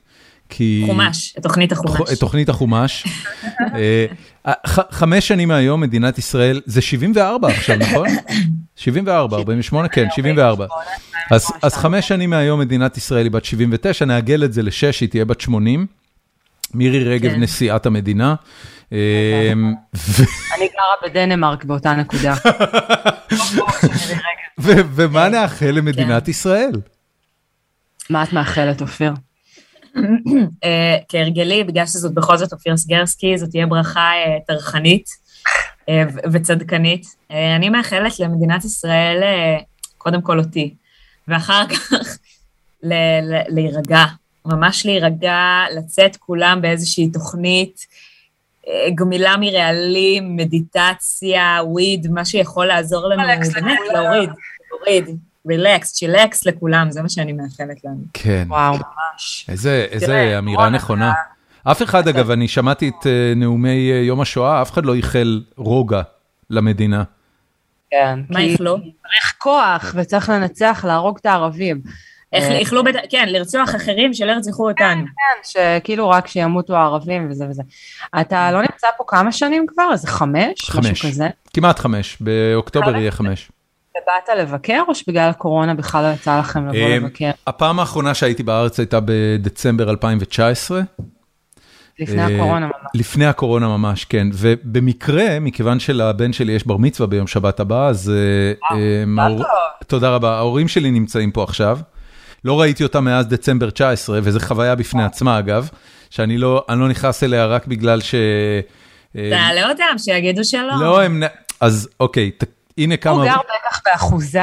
הנה כמה bummer אני. הילדים שלי עכשיו ב Sunday school, של הבית כנסת הרפורמי שבו הבן שלי הולך לעשות בר מצווה בעוד שבוע, והבת שלי היא בחוג אומנות ב Sunday school של הבית כנסת, והיא מכינה עכשיו אה, כיסוי מצות רקום לשנה הבאה. וואו. פסח לא הגיע עדיין לאוסטין. לא, זה כבר, הם התחילו לעבוד על זה שבוע לפני פסח, והם אמרו מראש שזה יהיה לשנה הבאה, מאוד. אוהבים את פסח. תגיד, תראי איפה הם, איפה אנחנו. אנחנו עוד שנייה הולכות לקבל נפצים לעין מילדים בני 14, והן הולכות לסנדיי סקול שלהם. וואי, תקשיבי. הגענו ביום- לפה ביום העצמאות של אה, ארצות הברית, הגענו לפה ממש בסוף השבוע של 4th of July, והטקסנים הם אנשים super chill, נורא נחמדים ו super chill, אבל מה, לכל אחד יש בזוקה בגראז', אה, כדי שהם זה עוד יוכלו... יותר מלחיץ. אם אני רואה בן אדם עם בזוקה ביד, אני לא רוצה אותו רגוע מדי. תקשיבי, הם. chill בגלל הבזוקה בגראז', זאת אומרת, הם יודעים שלא משנה מה. קורה על עצמם, zombie apocalypse הם מוגנים. לא, אבל גם אוסטין, אוסטין נחשבת לעיר מאוד מאוד צעירה ומאוד נכון. כיפית. נכון, נכון, נכון, יש כן, פה, כן. יש פה לפחות רבע מיליון סטודנטים, זה עיר אה, נורא צעירה, זה, זה, תדמייני משהו בין סן פרנסיסקו לחיפה, ב- ב vibe שלה. מנסה, מנסה. תנסי, אוקיי. זה לא קל, זה לא קל. בכל מקרה, גן זה- רמת גן זה כאילו משהו בין ראש העין לסאוף קרוליינה. כאילו, נכון. נכון, זה דימוי מעולה. בין ראש העין לנורת קרוליינה. קרוליינה. לא חשוב, אבל אני, אני רוצה לחזור, לא, אני, עזבי אותי, בקיצור, ההורים שלי לא, אז וכל מה זה. שרציתי, שאלתי אותך כמה זמן, אני רוצה להגיד שאני חושבת שמאז הקורונה, משהו מאוד מאוד הידרדר, אה, לא רק בראש שלי, זאת אומרת, מעבר לזה שהפקקים נהיו בלתי נסבלים, אה, את, אה, לא, לא גרת ב-LA, נכון? גרת בסן פרנסיסקו שם בסיליקון וואלי. בבאריה, כן. הפקקים פה נהיו מזעזעים, אני חושבת שאנשים הרבה יותר בלתי נסבלים ממה שהם היו אה, לפני הקורונה, כלומר הקורונה הוציאה החוצה משהו שהוא הפך את החיים כאן להרבה הרבה יותר קשים, לצד זה שיש הרבה יתרונות בלגור בישראל, ואני גם באמת, אני אוהבת את ישראל, אבל אה, אוהבת עד לרמה שאם מציעים לי רילוקיישן לאמסטרדם, אני עכשיו עולה על מטוס. ו... וה... את מציעה, את מציעה, מאחלת בעצם שיפור אה, תשתיות? אני, אני, אני לא יודעת, האמת, אני באמת, כאילו אנחנו פותחים את זה בשיא הרצינות, אני כל כך מיואשת מהמצב במדינה, אני מרגישה שלא משנה לאן אני מסתכלת, וזה גם באמת הפרספקטיבה האינדיבידואלית שלי, אבל לאן שאני לא מסתכלת, יש רעש, יש בנייה, יש פקקים, יש צרחות, יש אלימות. מצבים, מצבים, קשה. אה, יש, המון, יש לי בפייסבוק כמה, כמה אנשים ונשים שעשו את ההחלטה לעבור למקומות כמו מצפה רמון. וכל מיני מקומות הרבה הרבה הרבה יותר שקטים כאלה, זה משהו שאת חושבת עליו? אני? כן. אני מיטת שחלות בלי הרדמה לפני שאני אעבור, אני שירתתי ברמון, השירות הצבאי שלי היה בבסיס שנמצא ליד מצפה רמון, ובעצם המגורים שלנו במצפה רמון, ואני, אני, זה היה אמנם לפני 22 שנה, כי אני בת 200, אבל, אבל נגיד אני במקום שקט מדי מאבדת, מאבדת את עצמי, אני לא יכולה נגיד לנסוע לסיני, זה לא יקרה, אני צריכה וי-פיי וחיבור לטיק טוק כדי שאני אוכל לא לנהל שיחה עם עצמי. כן. אבל, אבל עדיין משהו פה מאוד כאוטי ומה שאני הייתי רוצה שבעוד שש שנים והוא כנראה לעולם לא יקרה שיהיה פחות צפוף פחות פקור. רכבת קלה. הרכבת הקלה שבונים אותה ממש ליד הבית שלי. אה, פחות יקר המחירים פה דורון אתה לא מתאר לעצמך כמה המחירים פה כאילו כן. אי אפשר היום למצוא דירה. הכל נורא נורא יקר, הדלק יקר, אני עכשיו קונה רכב חדש, אז הכל נורא נורא יקר. אני רק מאחלת למדינת ישראל שנייה להתאפס על עצמה, אבל אני גם חושבת שזאת מגמה עולמית, ולכן כל מה שנשאר לנו זה לצחוק. העסק נהיה צפוף. אופיר, תגידי לי, אה, יש כן. משהו שמתחילת הפרק כבר יושב עליי, ובטח אה, ככל שהעמקנו בקורותייך, איפה ההורים שלך? מה הם אומרים? אבא מת. אבא מת. אה, אבא אה, נפטר כשהייתי בת 20, אה, ואני חושבת גם, זה נורא להגיד, כי אני גם באמת מאוד מתגעגעת אליו, חולמת עליו, יוצאת עם גברים בדמותו וכו' וכו', אתה יודע, כל החבילה. אבל uh, אני, כן זה שחרר אצלי משהו. זאת אומרת, אני לא חושבת שהתכנים, בטח לא הקומיקסים המיניים, הבוטים, הוולגריים, לא, לא היית עושה את זה אם, אם אבא שלך היה בחיים? אני קצת חושבת שלא, כי יש משהו בדמות של אבא, ש, שמאוד מצמצם אותנו. אני מרגישה שבשביל הרבה נשים, אבא זה איזשהו הורה, זה, אבא זה הורה שאת לא רוצה שיחשוב עלייך ב, ב, בקונוטציה מינית בשום שלב בחיים. אה, יש משפחות אולי שקצת יותר, שזה לא בדיוק ככה, שיותר פתוחים.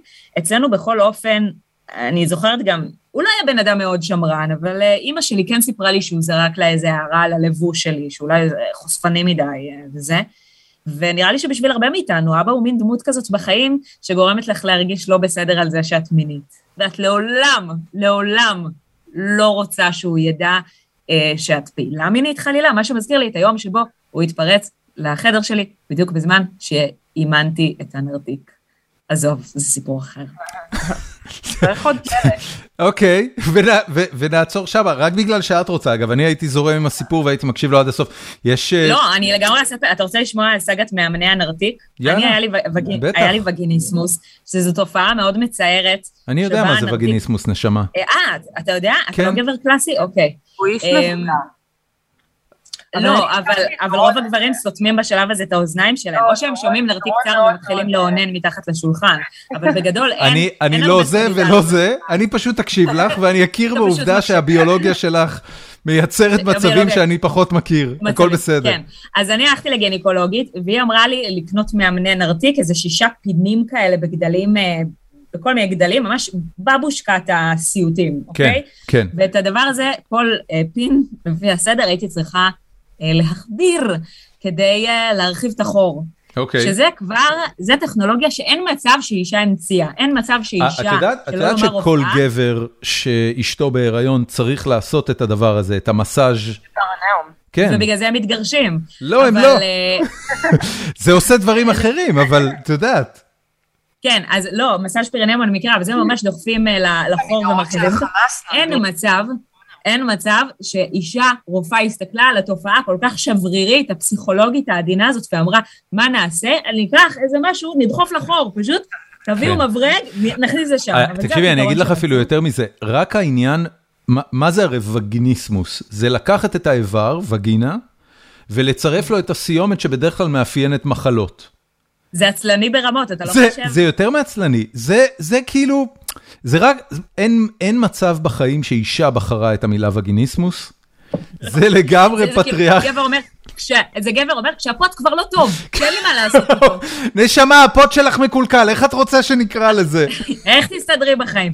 אז בדיוק כשאני התאמנתי על הפין הקטן, אה, הכנה להרבה פינים ורודים קטנים שבאו אחר כך, אה, אבא שלי התפרץ לחדר, כולו אזוז, למה? כדי להציע לי תה, לשתות תה. זאת הייתה הסיבה החשובה, ומאז אה, אני לפעמים קצת שמחה שהוא מת, ולא נושא איתו את הזיכרונות האלה. ואימא שלך אה, זורמת הרבה יותר? אימא שלי לא בדיוק, אה, אני לא מדברת איתה כל כך על מיניות וזה, היא הזדעזעה מהקומיקסים שלי, אבל היא קצת, היא בן אדם היפי כזה, היא תגיד, אוי, אוי, לולקי, קוראת לי גם פשטידונת, אוי, פשטידונת, את אה, בטוחה שזה בסדר מה שפרסמת שם? אני אומרת לה, כן, תעזבי אותי. ואז זה כזה, טוב, טוב, בסדר, טוב, אוי, זה בסדר. מהמם. היא הרבה יותר אה, זה מהמם, זה מהמם. וזורם. יש אה, בספר של שלום עליכם מוטל בן פייסי החזן, יש שם פתגם שהוא אומר, "אשרי- אשרי יתום אני. והוא בעצם מתאר את המצב הזה שבו בן אדם שהוא יתום, הוא אמנם אין לו אף אחד שידאג לו בעולם, אבל הוא גם משוחרר מהסמכות ההורית שהיא הרבה פעמים מצמיתה ו- ומרסנת. אה, זה, זה עצוב, ואין דבר שמפחיד אותי בעולם מאשר היום שבו אימא שלי תלך מן העולם הזה, אבל אני חייבת לומר שכן, יש בזה אמת, ומעניין, מעניין לדבר עם אה, יתומים משני הורים על אה, מה, מה השחרור הזה. נראה וגיניסמוס והורים מתים. וגיניסמוס ויתומים. אמרנו, אמרנו, ההפך מסקס. הפרק הזה הולך להיות ההפך מסקס. אני בינתיים קובעת לעצמי סקס למחר, אז אתם יכולים לדבר. אני... אה, אני נורא שמח לא, אבל איך בשבילך. את יודעת שמחר אה, תרצי? אני לא יכולה לקבוע מראש. קובעת דייט למחר. את בזוגיות כבר שלוש שנים. אם לא היית בזוגיות כבר שלוש שנים, היית קובעת גם שבוע מראש אם היית רוצה. לא, אבל זה מה שהכי חרפן אותי. זה מה שהכי חרפן אותי ברווקות, שאני לא מבינה למה אני לא יכולה לקבוע את הסקס כשבא לי. ההכנה הזאת מראש, זה יוצר איזה gap. לא, לא, זה- לא. את לא. מעדיפה, את לא מעדיפה אבל שתדעי, לא, לפעמים זה גם קורה ספונטנית, אבל את לא מעדיפה לדעת מראש מתי זה קורה, ואז אפשר לגלח, להתכונן לזה, להפוך לדולפין שמחליק. יש בזה משהו, זה נכון, כדי שלא יגלו שאנחנו בנות אדם אמיתיות. אחרת, וואו, מה יקרה שם? לא, אני תמיד מריחה כמו, אה, כמו ניצני אה, דובדבן והכל. אני, אני, אני מעולם לא עברתי התבגרות מינית בכלל. נכון, אין לי, לא. שערה אחת לא צמחה אה, איזה סוטה זה. יואו, תקשיבו, תקשיבו, אני לפני כמה זמן, אני ושרון, על מנת לפלפל את הזוגיות שלנו, סתם, זה היה בשביל כתבה, אנחנו לא עושים דברים מרצון. אז, אז אה, אה, התנסינו בכל מיני משחקים אה, לוהטים כאלה לזוגות, ושיחקנו באיזשהו משחק הזיכרון שהיה אמור להיות כאילו קינקי, ואחד ההוראות, יצאו שם כאילו כל מיני הוראות, לא משנה, אני לא ארד לפרטים, ההוראה שאני נפלתי עליה הייתה, גלחי, גלחי את התותה. והייתה כוכבית מקסימה כזאת בצד, שבכוכביות סיפרו לנו פרטי מידע, מעשירים. מה שהיה כתוב זה, על פי מחקרים, רוב הגברים אוהבים את איבר המין של האישה חלק, ממש כמו תינוקת שרק עכשיו נולדה, והייתי אוי כזה, ואבוי. oh my god, לא צריך לומר את זה, זה נכון, אבל לא צריך לומר. ובאותו לא רגע, נכון, זה גם לא באותו נכון. רגע, שרון אמר לי, אה, אנחנו נסיים זה עכשיו, לילה טוב. אני, ירד לי החשק, אולי לנצח. אני לא חושב, אני חושב. שהדימוי, אגב, שיושב לרוב האנשים הוא, הוא אה, אה, פסלים ביזנטיים, או, או יוון יותר מאשר העתיקה. תינוקת. כן, אני. חושב. כי את, את אומרת, תקשיבי, גם, גם הדימוי הגברי, הרי מה זה הדימוי הגברי של הגבר השרירי עם הקוביות בבטן וזה, זה בתכלס איך שהפסלים הפסלים ברנסאנס היו עושים את הגברים שלהם, זה היה חתיכה של שיש. אני, אני, תמיד, אה, אני תמיד חושבת בסקס על אומנות ביזנטית, כזאת אני, אבל אה, אני לא יודעת מה מקורות רובנו, ההשראה. רובנו, רובנו. אולי פורנו, אולי לא, זה פורנו. בעיקר, זה בעיקר אה, נובע ממניעים קצת פדופילים, לא, לא, לא בהכרח שמי שנמשך לפוט מגולח הוא פדופיל, אבל המטרה היא בסופו של דבר ל, ל, לשלוט בנו, זאת אומרת להפוך אותנו ל... כמו שרוצים אותנו רזות. רגע, שנייה. כן, זה מה שקורה כשמעשנים. ואז היא קיבלה שבץ, ומתה לפני שהמחשבה הושלמה. פשוט בשיא של הקריירה שלה. היום המון ודיברתי המון. כמו שרוצים אותנו מאוד מאוד רזות, אז רוצים אותנו גם, כאילו לבטל את כל הסממנים הנשיים הבוגרים, רוצים אותנו כמה שיותר רזות, כמה שיותר חלקות. יש לזה כל מיני מחקרים. זה לא, מישהו אמר לי פעם שזה בגלל שהסטנדרטים האלה של אסתטיקה נקבעו בכלל על ידי גברים הומוסקסואלים בעולם האופנה? הרזון, הרזון, כן. וגם, כן. וגם זה שאישה צריכה להיות חלקה, זאת אומרת, יש, יש, זה הכל מתוך ניסיון לשלוט במין הנשי, אבל, אבל אני למשל אה, קורבן של הפטריארכיה, אני לא אוהבת את עצמי שמנה, לא אוהבת את עצמי שעירה, אני לפני 15 שנה כבר השפעתי את עצמי בתוך מכשיר לייזר. אבל בסדר, זה נושא אחר, וממש יש לי פיפי, אז בואו נסיים. יאללה, בואו נסיים. יאללה, חברים, אה, אה, חג עצמאות שמח. אה, אופיר, היה לי... היה לי תענוג גדול, ואני מאחל לך אה, המון עצמאות והצלחה, ותמשיכי להיות נהדרת. תודה, אה, גם לך, גם לכם. אני רוצה לינקים לכל ה... אה, לכל התוצרת הנפלאה שלך, כדי שאני אוכל לשתף בעמוד של הפרק. וואו, מה הולך, אתה צריך לבוא. שיווק, שיווק, שיווק, אופיר סגרסקי, תעקבו, subscribe, share, סטרינגל whatever. בדיוק. וגם את הערוץ טיק טוק תנ"ך של הבן זוג שלך. שוב צריך, טוב, יאללה, תכניס אותו גם. אולי אני אעשה איתו פרק, אולי אני אתפוס אותו לפרק. אה, את שרון, בוודאי, הוא באמת מעניין, הוא אשכרה למד משהו. יופי. לא למד לדבר על במה. יופי. כן. חג שמח לכולם, תודה רבה רבה חגית, מהממת כרגיל. היה לי כיף.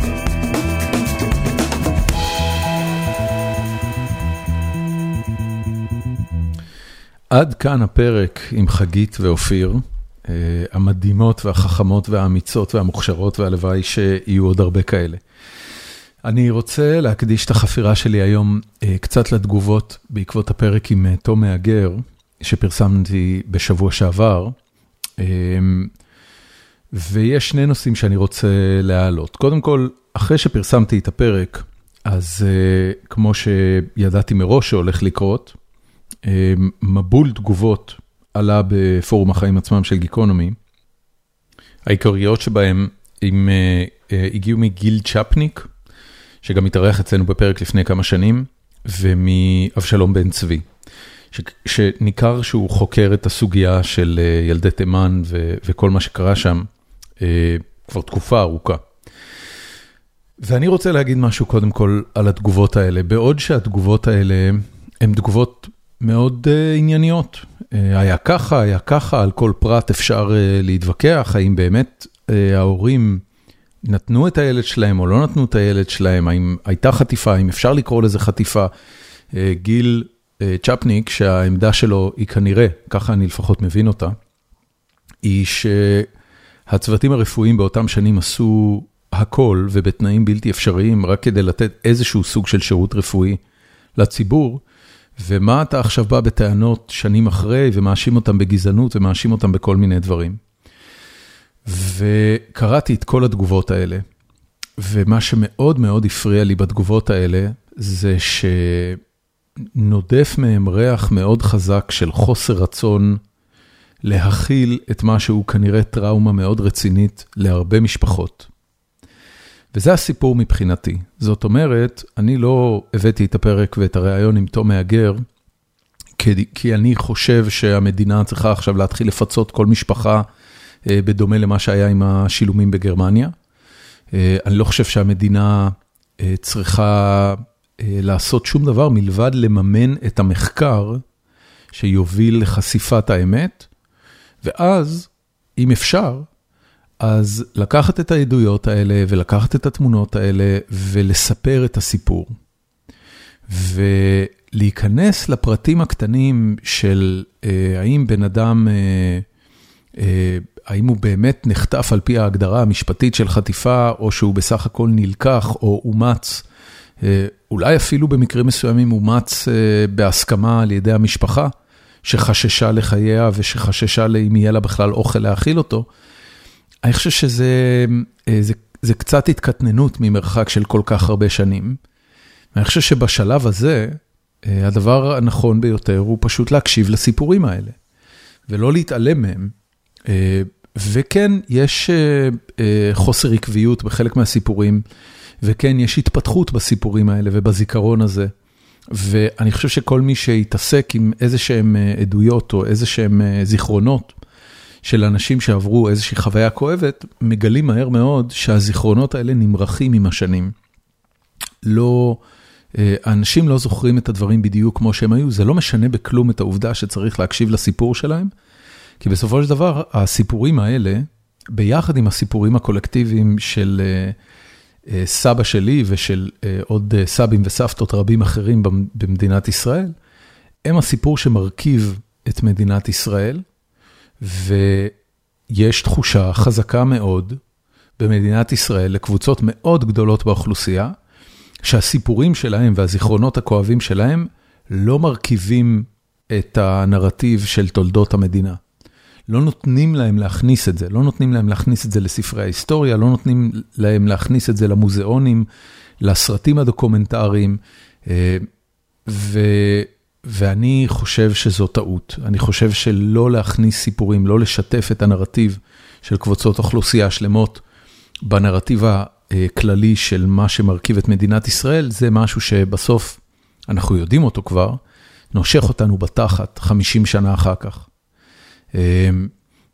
אני, אני, אני חושב שגם להתקטנן על שפה משפטית בהקשר הזה, פשוט מחטיא את המטרה.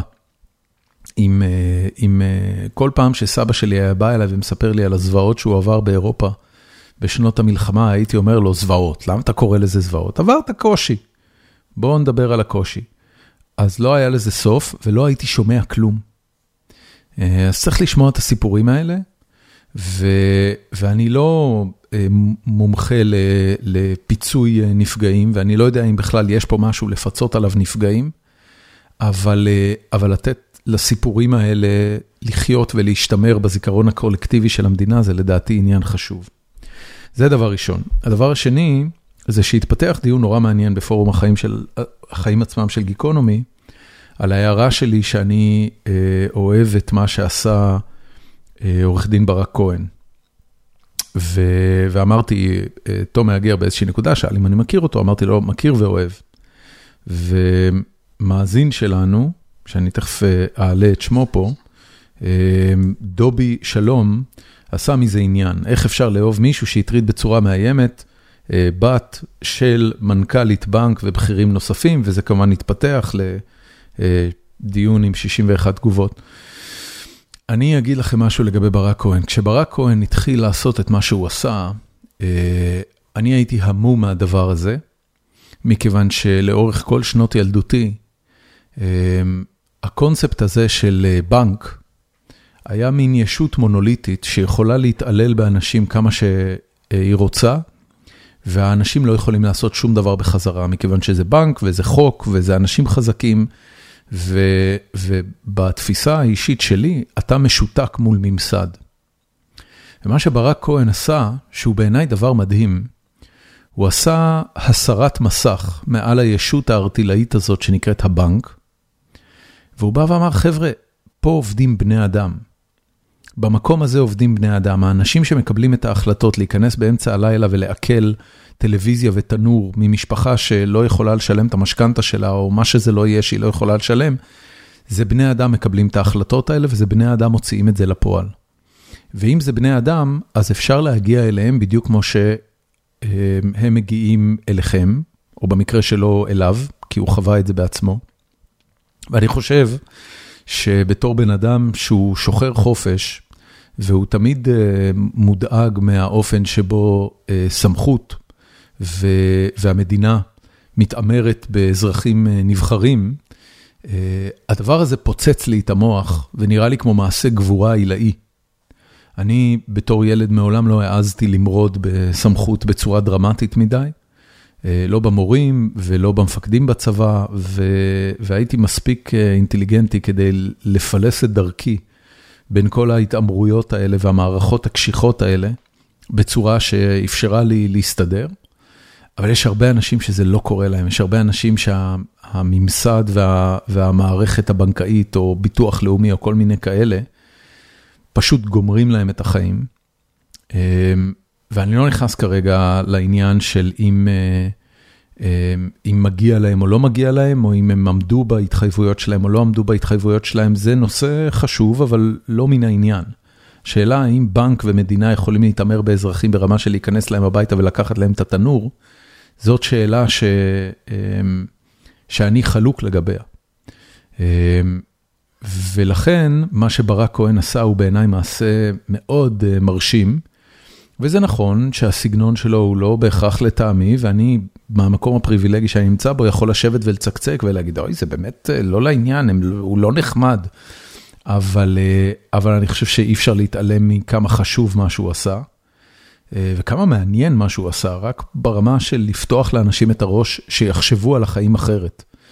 ואני חושב שבעקבות הדבר הזה, בנקים, ובמיוחד מנהלים בכירים בבנקים, נזהרים קצת יותר כשהם, כשהם משנים את החוקים, כשהם מתעמרים באנשים שלא החזירו הלוואות, כשהם עושים כל מיני דברים.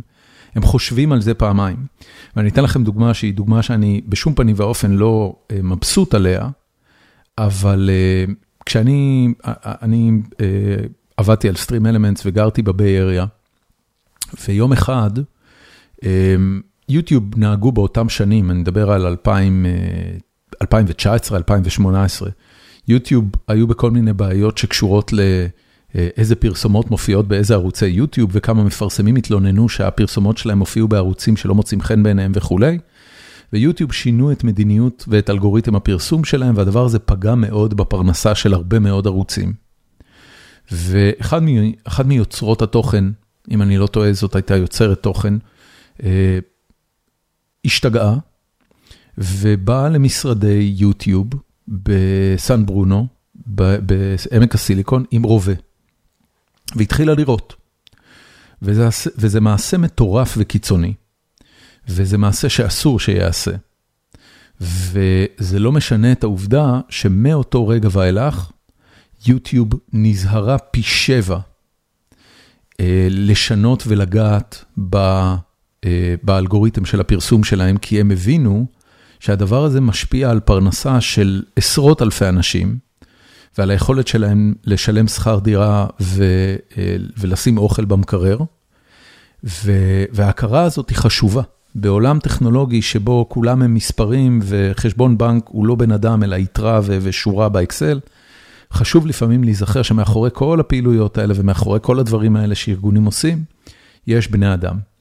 ובמובן הזה, אני חושב שברק כהן הוא סוג של גיבור תרבות. יכול להיות שהסגנון שלו היה יכול להיות מעודן יותר, הלוואי והוא היה יכול לעשות את זה עם קצת יותר סטייל וקצת יותר נאומים בסגנון I have a dream של דוקטור מרטין לותר קינג, אבל הוא לא. וזה לא משנה את העובדה שמה שהוא עשה הוא עדיין חשוב. וזהו, זאת הייתה החפירה שלי להיום. אני מאחל לכולנו יום עצמאות שמח, אני מאחל לנו עצמאות וחופש, ותמיד לראות את המקום שבו סמכות מנסה לפגוע בחיים שלנו, ונתראה ונדבר בפרק הבא. יאללה ביי.